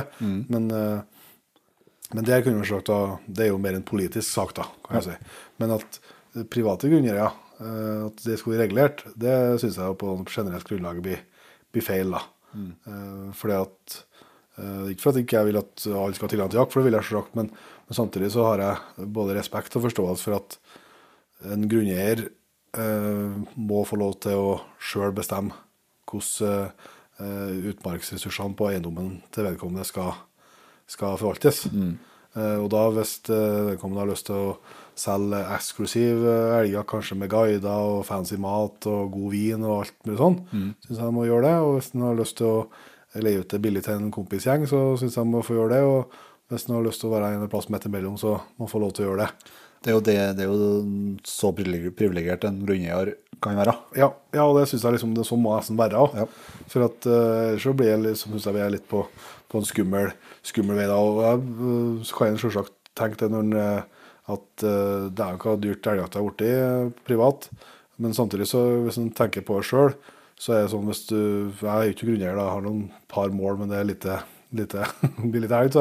Men, men så, hvis jeg hadde hatt valget mellom å fått 10 000 i året og fått 100 000 i året, så er jo, og jeg ikke har trengt å gjort noe krim, kriminelt eller, eller farlig, så er jo sjansen stor for at jeg ville ha 100 000 i året Ja. istedenfor 10 000. Ja. Det har jeg jo 100 forståelse for. Ja. Så, så jeg skjønner jo at uh, grunneierne nå må, må på vis utnytte ressursene de eh, har eh, til beste for seg og, seg og sine. Men uh, at uh, man politisk kunne ha sett på om prisene på Statskog ku- og kunne vært annerledes, det, det er en annen, annen sak, da. Um, så, og så, er, men så kan du liksom se det på andre sida igjen. Sant? Altså at uh, hvis det er uh, omtrent 95 av befolkninga som ikke jakter, Ja. uh, så skal jo dem òg ha goder fra Statskog gjennom at vi er et fellesskap her. Ja. Og uh, sett fra deres ståsted så er det kanskje ikke urimelig at vi jegerne må betale en del for å få lov til å utnytte den ressursen, Stemmer. som er på en måte fellesskapet sin i, i hermetegn, som gjør at uh, Statskog blir en bedrift som kan levere opp på områder utenfor jakt. Så det er liksom ikke svart-hvitt her, da. Nei, det er ikke det. Absolutt ikke. Så, men eh, for all del er jeg stor fan av at alle skal, som har lyst eh, og skal få muligheten til å, til å jakte elg eller jakte den har lyst til. Eh, Morten Kjo han har en her halvvin eller Stille Anton dagen før. Og det er vel litt ja takk, begge deler, da? Det som er, Jo da. Det er en hel, helgardering. Jeg oppfatter at det, det er er jo Jegertoners halvvin vi snakker om her, da, rødvin. da. Og jeg har litt sånn oppfatning av at det er forskjellig hvordan folk tolker det her begrepet med halvvin. Om det er at du drikker vin gir deg bedre halv, eller om det å drikke den vin gir deg bedre muligheter til å oppnå et bra halv. Ja. Det, det tror ikke jeg vi skal røpe ennå heller. Nei. Det, folk må bare få finne ut det Ja, sjøl. det må du må teste litt sjøl og finne ut hva, hvordan det er hos deg. Ja. Det, men, eh, men altså, det er jo aldri dumt å helgardere når du har muligheten til Nei, altså, det likeste er ja takk, begge deler. Ja. Det blir i hvert fall ikke noe, noe mindre sjanser. Nei, sant. Eh, Vidar Sjanstad han skrev noe her eh, Muligens en lissebasting til en selger. Det er det. Ja. Men har dere gjort dere noen erfaringer med Voren LT12 kontra Voren Lynx? Og eventuelt Eberstock HT Gunrunner? Og det eh, har jeg. Det, vi- det, er, det er jo ingen av oss som bruker den nye LT12 Nei, men jeg har brukt den og brukt den litt. Ja, du har den, da. Ja, Både den og Lynxen. Og jeg har hatt uh, Gunrunner H2. Ja. Da tror jeg du svarer på den her, du. Ja. Nei, altså, Gunrunner H2 er en, en kjempefin uh, sekk, det. Men det, det er jo det som er det store med, med Voren, er er jo det her våpensystemet. Ja. At uh, du får tak i børsa på en enkel og god måte, samme om sekken er full eller ikke full. Ja, for det, det er jo det som er mye av problemet med, med, med belestokksekker og den type sekker som der du setter Børsa nedi, ja. børsa nedi langs med ryggen, det er jo det at um, hvis sekken er full, så er det, uansett hva andre sier, så er det tyngre og vanskeligere å få opp børsa. Yep. Så, For da eh, blir det trangt nedi her.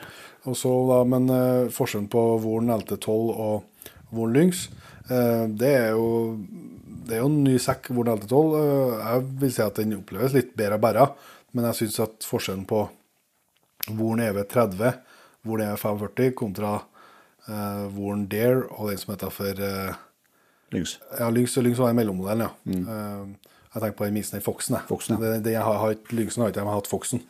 Eh, for at, men forskjellen på Vorn LT12 og Vorn eh, Fox, den dem syns jeg er ganske sånn marginal. Det handler om at det, det er jo nesten ei Det børsreim. Det er skikkelig børsrem Ja. med plass til en matpakke og ei ullskjorte. Ja. Eh, men, men Voren LT12 eh, kontra Lynx, da tror jeg du Lyngsen kunne jo eh, utvide 12, fra 12 til 20 liter. Ja. Og det, det, jeg brukte den et par høster, og det, jeg opplevde det som en helt grei sekk, også den 20-en, eh, med det som jeg har med meg på en jakta, men han var stort sett full, ja. Ja, det er det som eh, Så jeg, jeg syns definitivt at den eh, Og det er jo en grunn til at det er blitt favoritten til oss og til veldig mange med også. Den EV30 er en veldig fin størrelse, da. Ja. Men eh, forskjellene er vel litt Den Voren Lyngsen den hadde jo Den eh, LT12 den er jo helt mjuk. altså Den har ikke noe ram. Nei. Så den kan jo brette i hop. Yes. Og greier. Det kan du ikke med Lyngsen. ikke med Der er det, jo, det, er, er jo ikke ramme, men det er jo noe Så avstiving på noe vis. ja, avstiving i ryggen der som det er jo kanskje den største forskjellen på den. Ja, så det er jo, det er jo absolutt Og vekta. Ja, det er- er lettere i LT12. Og så fordel som du er inne på, f.eks. hvis du er sånn at du har med en storsjekk på tur inn i fjellet, Ja. og vil ha en dagstursjekk med våpenfeste eh, på, ut fra camp, Ja. så er den eh, LT12 veldig fin med at du kan brette den opp og pakke den i sekken. Ja. Um, Morten Moe, hvor eh, viktig er det å felte elg for unghund første sesongen? Noen tips til viktige ting å tenke på første høsten, eventuelt før, under, etter første elgfall? Eh, hva er vår ønskeoppskrift på en optimal førstefelling for egen hund? Eh, for å ta Det var mange spørsmål her, da. Men for å ta det første først, om det er viktig å få felt eh, sesongen, det tror jeg ikke det er noe eh, ja eller nei-svar på. Nei. Jeg tror For noen hunder så tror jeg det kan være veldig bra. Eh, kanskje ikke første, om det er første sesongen, men altså for noen hunder så tror jeg det første fallet Det er viktig, ja. er viktig, og det har en betydning, og det utvikler dem. For noen så tror jeg ikke de blir noe annerledes. Nei. Um, det er i hvert Det, fall ja, altså, det der det er kan en jo ta en titt og se over til Finland. Der det kommer blir eh, gått masse Der det kommer masse gode hunder ifra. Mm. Som er gått opp til championat og alt i hop, uten at det har skutt en elg for dem. Nei. Så det, så det, det vil jeg variere. Og så eh, viktige ting å tenke på første høsten, det, det er det jo at du må jo gi hunden hund de beste forholdene og mulighetene til å lykkes, ja. til å lykkes. Og, og legge til rette for at den skal lykkes. Og da er det jo eh, å gi ham de mulighetene som, som han fortjener, med å, med å slippe ham i, i gunstige områder, og gjerne inn mot områder som ikke er folkerørt. ja. Sånn at eh, hun har sjanse til å finne elg som ikke er klar over at det er folk i terrenget. Og som ikke er folkstøkt eller på bil eller bildør og sånt. Det er jo første. Og, eh, og eh, videre så, så må man jo bare ta, ta litt på hunden sine premisser. Ja, og så, må du bare, så er det jo sånn at du må bare ta de mulighetene som kommer. Ja. For at du kan jo Du kan jo ha lyst til, lyst til mye forskjellig, men, men det er jo så forskjellig hvordan de hundene tar det. da. Ja. Um, men For det, det er jo en sånn vi var det er diskusjon der om du skal skjøte i må være ei stålos eller en ganglos, eller kan det være en springelg liksom, første helgen.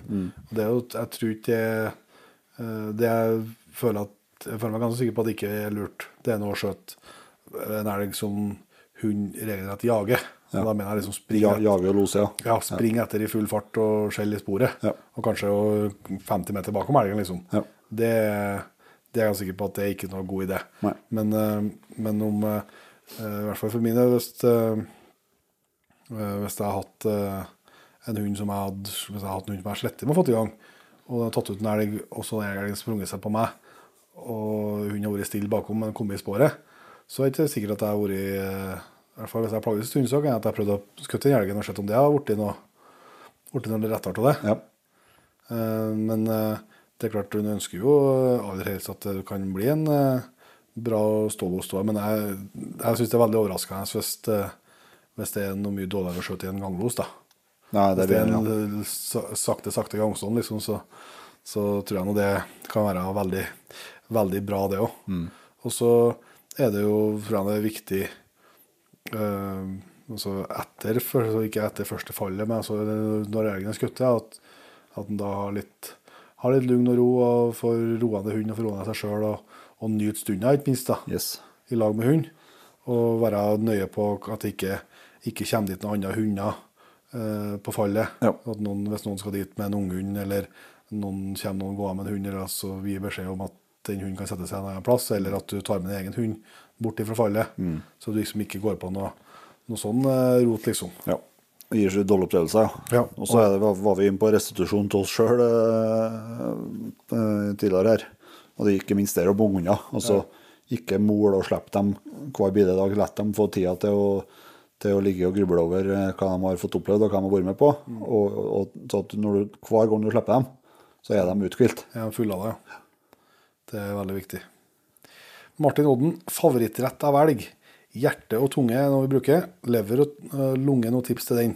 Lykke til i høst. Um, kan ta favorittretten først. da. Det er jo inn på den ene her. Det er jo, jeg er jo veldig svak for egglever. Levergryt det syns jeg jo er jo, Den fascinasjonen av lever, den deler vi ikke. Nei, ja, den deler vi ikke, men, eh, men det er jo definitivt eh, Jeg har jo sagt oppskrifta mange ganger, men jeg kan jo kjapt gå gjennom meg for nye lyttere. Det er altså, Du tar elg... Ja, Du tar noe levra. eh, Helt, jeg bruker noe bare fra kalv og fjordyr. da. Um, og så skjærer jeg opp det i 1-2 cm tjukke skiver. Vender det, lager blanding med hvetemjøl, altså hvetemel på norsk. da. Eh, salt og pepper. Vender det godt kjøttet i det, og så steker du ei jerngryt eh, med smør. Så steker du opp all levra du har tenkt å bruke. Og når du har gjort det, så legger du det tilbake i jerngryta. Så slår du over eh, fløyte. Så det er i hvert fall godt å være dekke levra. Og så koker du opp det. Og så smaker du til det med salt og pepper, selvsagt. Brunost, kanskje litt sennep. Litt tyttebær kan du plutselig finne på å ta oppi òg. Ja. Så at du får en veldig god saus, og så tjukker du den sausen av seg sjøl av fløyten og mjølet som er igjen på her, og så lett, du det er jo, du skal jo gjennomsteke så det er ferdig stekt. Så det trenger egentlig bare å kokes opp, og så ligger det og trekker i den sausen her da, og serveres da med mandpotet. En aldeles uh, nydelig rett. Jeg må si at det er Jeg er fryktelig svak for elgsodd som er koka på, på Det ja, jo brin, ja. Der du har med både litt feit og litt eh, Ja, og like saga opp fotene. Godt koka kjøtt. òg. ja, ja. ja, det er nydelig. Det er godt også, men eh, Det skal serveres som elgsodd med grønnsakene oppi, og så skal du ha på sida potet og du skal ha poteten på sida, og så skal ja, Og kjøttet skal jo, det skal jo stå kokt lenge, så det er godt og mørkt. Og så skal på slutten, da, når det begynner å nærme seg at det skal etes, så har du oppi, har du oppi grønnsaker. Yep, og litt timian og Så det blir Nei, det, det er stekegodt, ja. Det er jæklig godt. Men eh, også er det er noen som heter uh, løksup, jeg heter. Løksaus. Løksaus. ja det. Er ikke noe godt. Jo, jo, det skal ha tatt, ja. Så skal, for da tar du, tar du liksom soddet for seg, og så tar du poteten og kjøttet og løksausen, og så blander det opp, og så blander du det. det Nei, nei, nei, nei. Prima, prima vare. Sekunder ikke. Men uh, det er aldri feil med, med ytterfelle som er gjerne rulla i litt eh, bacon og litt sånn. Det er aldri feil, altså. Nei. Og hjertet bruker vi å ta bestandig vare på. Eh, Det begynner ofte det Røyka, ja. begynner å røyke eller noe sånt. Eh, Men det hender nå at vi har eh, brukt det som fersk, ferskvare skal jeg si, på, på jakta. Mm. At en steker noen biffer eller bruker terninger og lager til gryt. Det er noe lunga, er det, lunga er vel liksom ikke Jeg har aldri prøvd, så det skal ikke jeg Den blir stort sett liggende i skogen. ja. Ja. Det, Det begynner som regel gjerne i sonen, ja. ja, det har sett begge delene. uh, Ola B. Finnes, da. ja. Mange Statskog-terreng har i år kvoter på to kalv-ungdyr. Uh, Det varierer sikkert, det, men uh, la oss si at det er det som er er clouet her, da. Eh, Skjøt en rødkalv skrapdyr, ja eller nei? Ja, altså, Vi har jo snakka om det noen ganger før, at uh, skrapdyrbegrepet liker ikke jeg. Nei.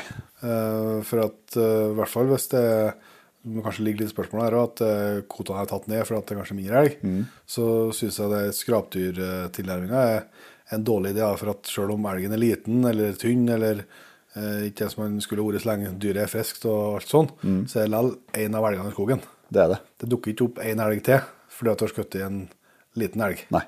Så, så at en liksom skal kunne på en måte skrape et dyr eh, og så få en ny en tilbake, det, det er ikke noe sånn fan av utgangspunktet. da. Nei, og gjerne, det, er jo sånn at da får du en ny elg i tillegg òg. Det er jo ikke noe, er ikke noe bra. Nei.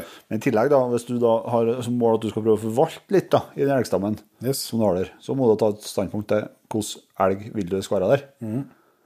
Og hva er da mest fornuftig? Å skjøte en stor og fin kalv, eller en liten og tuslete en? Nei, det er forvaltning. det må man jo ta ut de småene. Ja. Så, så, sånn at det premieres å skjøte små kalver.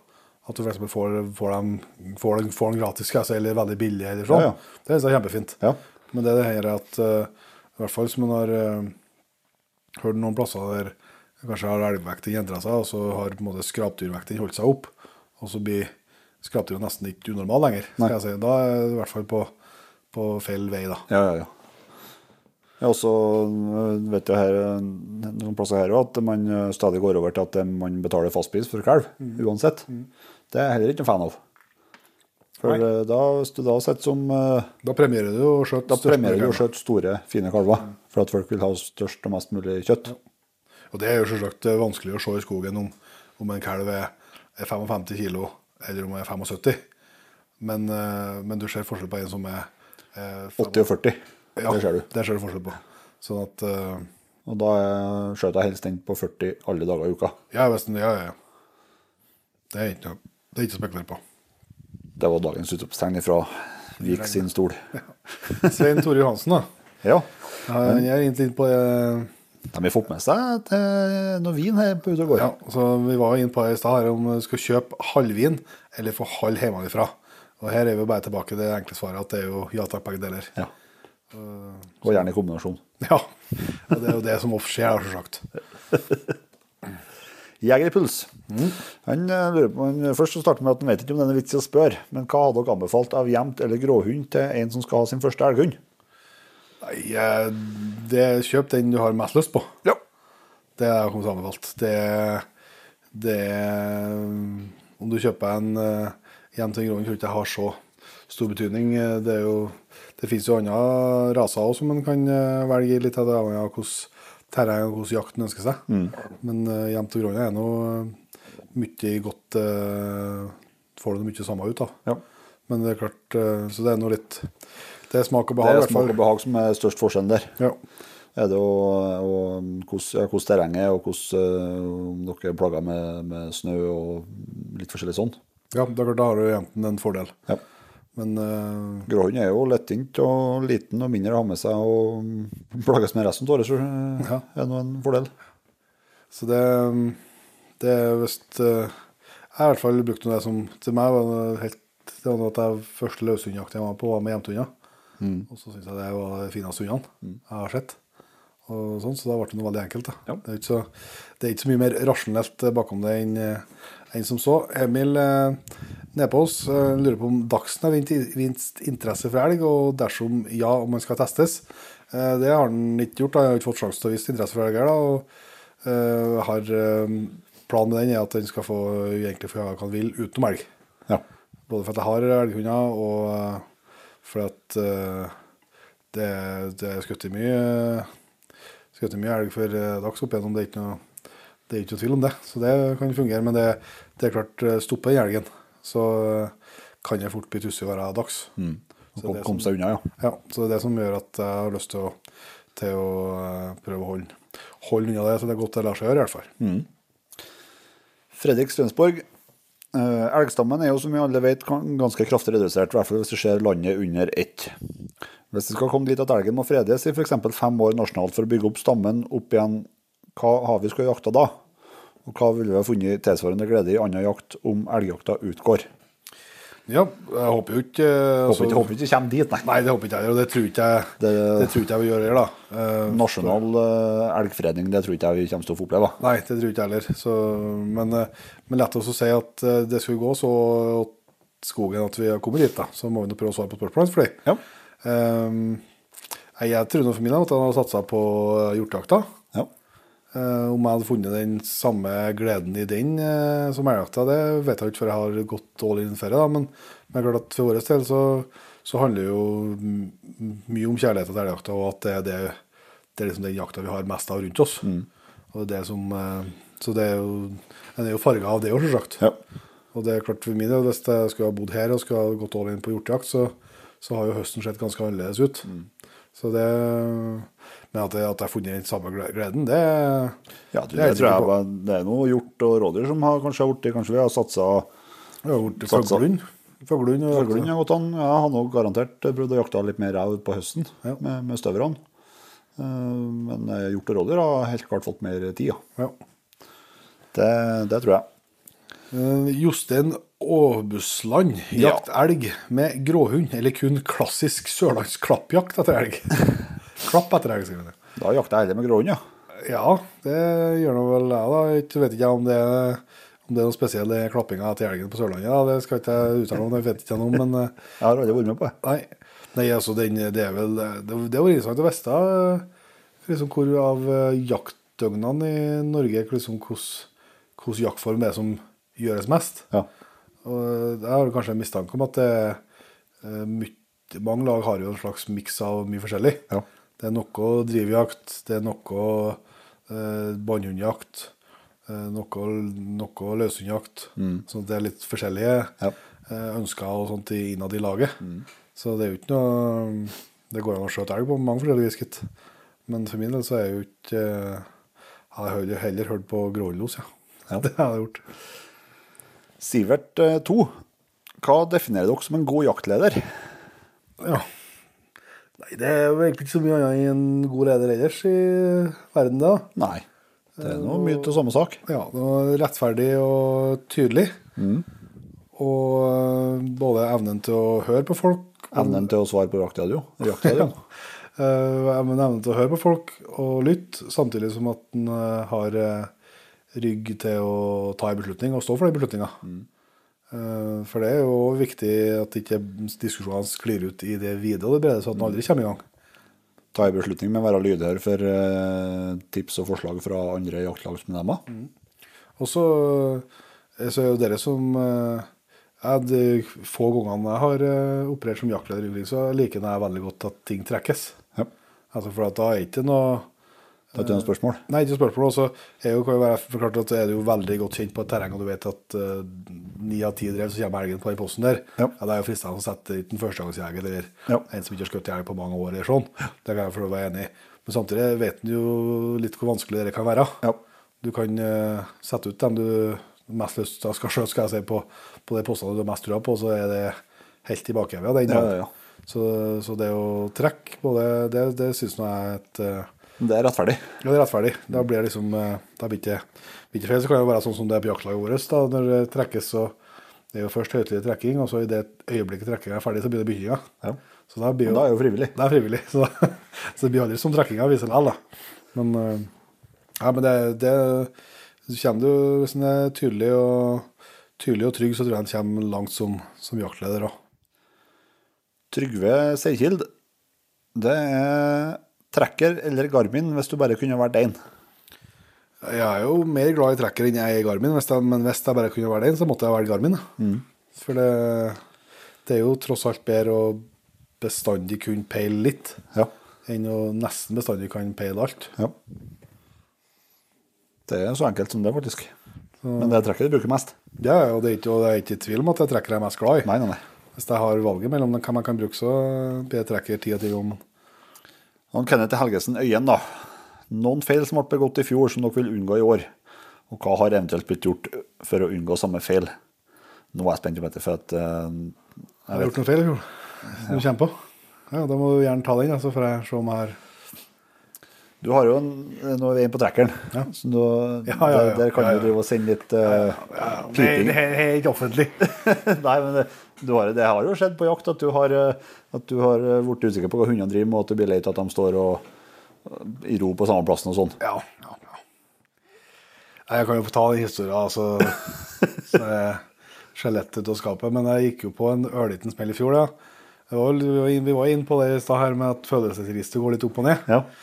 Og så var vi jo eh, holdt eh, livesending på Herregud.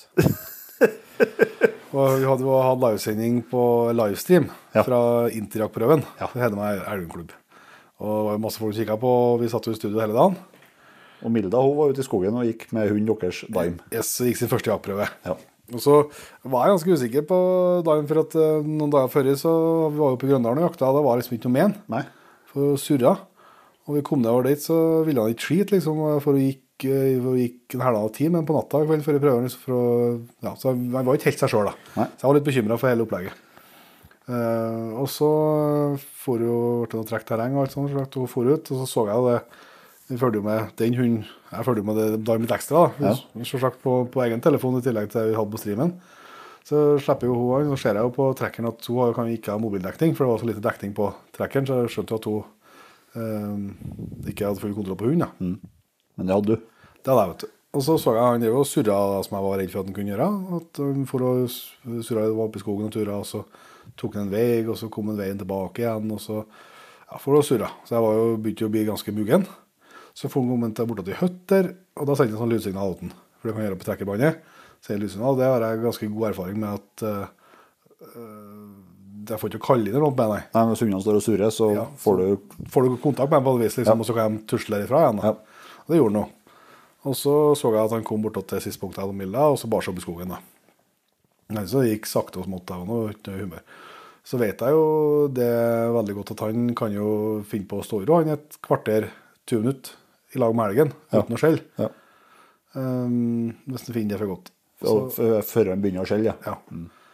Eh, Og det er jo vanskelig å vite bestandig når du ser på peleren på han om står han nå i lag med elg, eller har han funnet noe å ete på, eller ruller seg i, eller hva er det nå som skjer, da. Og jeg hadde ikke spesielt trua, selvsagt, så uh, sto da, så han på pleneren jevne mellom, og så har jeg storrop på en flekk der. Det er forbaska skithund, ja. Nei, jeg sender vei en sånn 30 sekunders alarm, så at han får tusla seg før dusja. og gjorde det.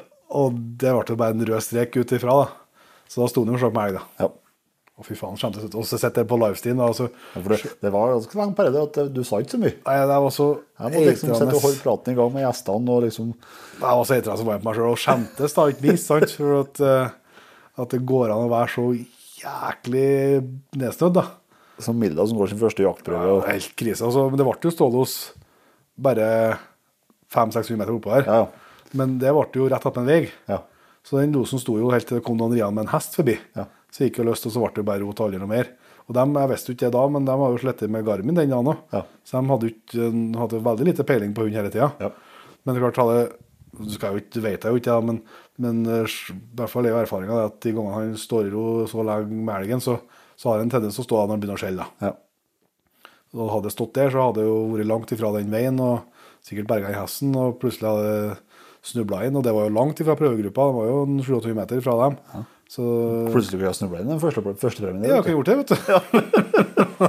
Nei, fy faen. Så det er dumt. Så det hører til historien at jeg tørsa jo ikke å fortelle. Eller, det gikk jo et par måneder. Første gang jeg åpna meg, var Marius. Når vi var på jakt i Østerdalen. Så satt, for da hadde jeg jo klumsa meg ut så jævlig med å slippe Dime uten, uten å slå peilene, vet du. Ja, der er det også en pionerene. Mm. Ja, øh, Sjekk at pellene står på. Jep, så, så da, da var jeg så dypt ned at da, da datt det ut av meg hva jeg har fått til på Instagram. og så noen, gikk det en par måneder til, så jeg at nå måtte jeg faktisk fortelle til Milla. Og vi var på, på Kjæresteviken i Stockholm, og skulle satt på en restaurant der. Og så så sikkert Milla at jeg ble litt med meg. Liksom, så, så sier jeg igjen, og så, så sier jeg ja, jeg må fortelle deg noe. Så ser jeg hun blir jo helt blek, så sier jeg har du har, har du vært utro? Så sier jeg nei, her er mye vær. Og det var han enig i, ja. At det går an. Nei, så øh, jeg kommer til å være litt mer sparsommelig med utsendingene av uh, lydsignal, øh, i hvert fall tilbake til Dime i løpet av høsten. Og jeg skal, som du ser, jeg skal passe på at det, passe på at det er slått på. Så Nei, det er krise, vet du. Men sånn er det når uh, det, Det var det er litt tålmodighet av dere og dere der òg. ja, ja, ja, mangel på tålmodighet. Ja, også, men så også blir det ekstra ille. Altså, når du, for jeg følte jo liksom hele høsten fram til de dagene der, så hadde han jo jakta så jævlig bra. Det har nesten ikke vært et slipp uten uttak. eh, Og, ja. og så merka jeg liksom så det var sikkert et eller Jeg tipper det var et eller i magen som feila. Ja. Som ikke han ville, så, så jeg var liksom litt sånn eh, faen òg, ja. Og så håpa jeg likevel at det skulle gå an å lure til noe, men det klarer han å ødelegge elegant sjøl, da. Men Du skal få kred Petter, for at du forteller historien. For jeg tenkte ikke, jeg tenkte ikke du skulle få dra deg helt oppå der, men du skal få kred for at du ville fortelle noe. Vi må by deg på, til våre kjære lyttere. Skal vi begynne å gå inn for landing? Eh, Du tar meg ett spørsmål til, og så går vi for landing? Ja, det kan vi gjøre. Nå ble jeg så rød i toppen her, så det blir godt å bli ferdig, ja. ja. Thomas eh, Støren, Ja. eh, han har et eh, tema som sikkert er aktuelt for mange, tipper jeg. Skal slippe min hjemtispe på 16 måneder første gang på elg. Kan dere overbevise jaktlaget på 13-14 mann om at det bør holde seg lengst mulig unna slippstedet? Og hvordan skal man plassere postene, please? Det er klart, eh, Vi kan overbevise jaktlaget, det tror ikke jeg vi skal love ut, da, men eh, vi kan jo komme med noen eh, forslag. da. Det er klart at det er vanskelig å vite at vi kjenner valget og ikke jaktformen og hva de er vant til og ikke.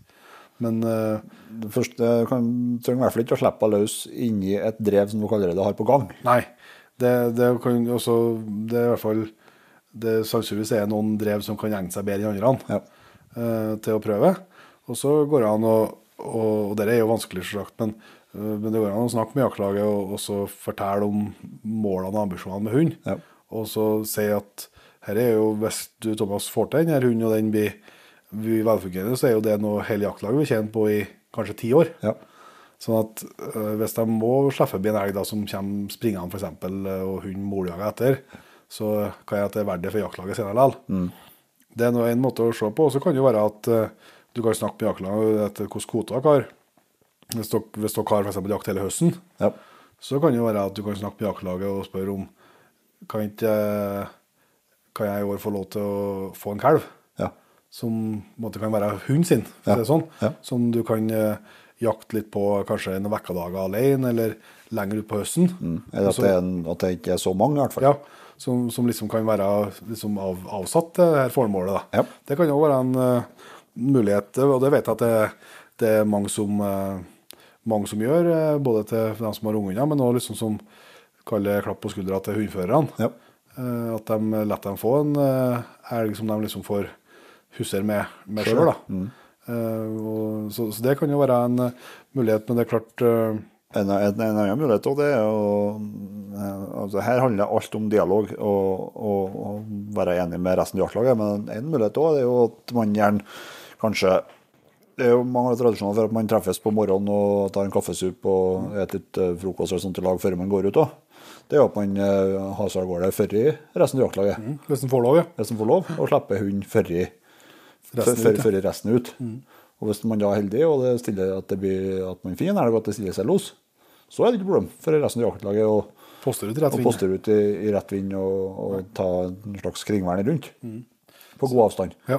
Men det, det er jo en mulighet å ta på. Ja, så, men, så, men altså, det er ikke noe, det er ikke noe ukjent eh, fenomen eh, at akkurat det er litt vanskelig. Og det er jo ikke Nei. vanskelig å forestille seg heller for dem som Hvis det er sånn at, eh, så si at mange på laget her har spara ei ferieuke eh, til å være med på dette her, Ja. så er det jo ikke vanskelig å forestille seg at du ikke er supergira på å sette inn på hytta for at en skal gå med ungen alene, f.eks. Det er jo lett å forstå. Ja. Så det er som du sier, det er jo dialogen som er viktig her. Ja. Og, og kanskje fortelle litt om eh, hva dette kan Hvis, de, hvis de laget ikke har erfaring med løshundjakt fra før, i hvert fall, altså fortelle litt om hva det kan bety for laget og framover. Mm. Ja, så må man ta standpunkt til om, om, om jaktlaget ønsker en velfungerende løshund. Ja. For det er jo ikke alle som vil ha det heller. Nei, nei, nei. Og da må, man, da må man kanskje se på hele situasjonen, da. Ja. Om det Ja, sånn ble det jo, sånn det er jo sagt før, og sånn ble det jo for min del. Ja, sånn ble det begge var- oss. Ja, sånn ble det jaktlaget jeg var. Så kom jeg til den beslutninga til slutt at jeg kan ikke bestemme hvordan jaktlaget skal jakte. Nei. Jeg kan bestemme hvordan jeg skal jakte. Ja. Og da er det jeg som må ta konsekvensen av det. Ja. Eh, Og det, det er jo ikke noe ondt blod sånn sett, det. Det er jo bare at interessene er forskjellige. Ja. Så, men jeg håper at dere finner en god løsning på Thomas, sånn at til beste for både deg og hund og, og jaktlaget for øvrig. Men da er vel eh, klokka er vel gått den, så vi kan vel eh, Vi vant jo ikke på alle spørsmålene den gangen heller, da. Neida. Men det er jo litt sånn det må være. Eh, Men vi har i hvert fall fått snakka mye om elgjakt, og det kjennes jo litt Det kjennes godt. Ja, det gjør det. Det er forholdsvis lett å be der eh, for tida. Så blir det nok litt elgjakt- elgjaktprat i episodene framover òg. Håper det. At vi har noe å berette om. Ja, vi har, noe å berette om, men om det er positivt eller negativt, det, Ja, ja. det kan jeg garantere at det blir begge deler. Det blir nok eh, både opp- og nedturer i år, og skal du se. Ja. Men vi kan i hvert fall ønske de nyankomne inn i P3-jaktlaget velkommen. Ja. Det har jo fyltes på godt i siste vekka. Vi hadde jo P3-episode sist, eh, men eh, Stian Berntsen, som ble meget godt mottatt blant mange. Ja. Så det var noe veldig hyggelig. Men vi sier i hvert fall tusen hjertelig takk til Mattis Bryn Jensen, Espen. Håvard eh, Berteig, Thomas øh, Ros Aas. Hans Tore Løver, Løverødshaug, Jan Atle Ruli, Rudiløkken. Vebjørn Olstad, Erik S. David Davidsson, Hans Ruben Amundsen. Emil Bakken, Kai Berg. Arne, Ole Speitland. Torunn 1986, Mats Erik Rasmussen. Bernt, Stian. Niklas Krogstad Morten Løsengen. og Eirik Ullsakerhaugen. Tusen hjertelig takk til dere. Og selvsagt til alle sammen som allerede er med å utgjøre P3-laget, og som gjør det mulig for oss å, å surre på med Jegerpodden. Det er vi dere evig, evig takknemlige for. Og som vi lova til i starten av episoden, så har vi jo trukket ut eh, to heldige vinnere av alle dem som, eh, som eh, bidro med spørsmål og dilemmaer til dagens episode. Det har vi. Og da på, eh, fra Facebook så har vi trukket ut en Svein Tore Johansen. Yes, Og fra Instagram Johanne Ryen. Så gratulerer så mye til dere. Ta kontakt med oss, send oss en melding med adresse og, og telefonnummer, så skal vi få sendt dere en liten overraskelse i posten. Men da er jo Inge, det er jo litt sånn hvert år litt sånn spesielt å runde av siste episoden før 25.9., men det skal vi også nå gjøre. Yes. Så vi, neste gang når vi høres på jaktluft, jaktradioluften, Jegerpodden, så er rett og slett elgjakta i gang. Så vi sier som vi bruker å til neste gang. Vi høres.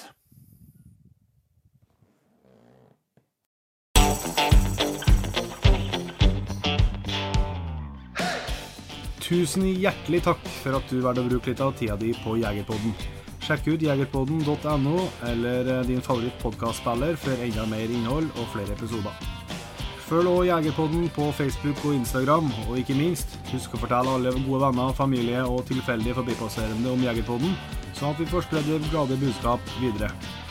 Vi høres. Ruller vi meldingen? Hun er på luften, meldingen. Krokløyven.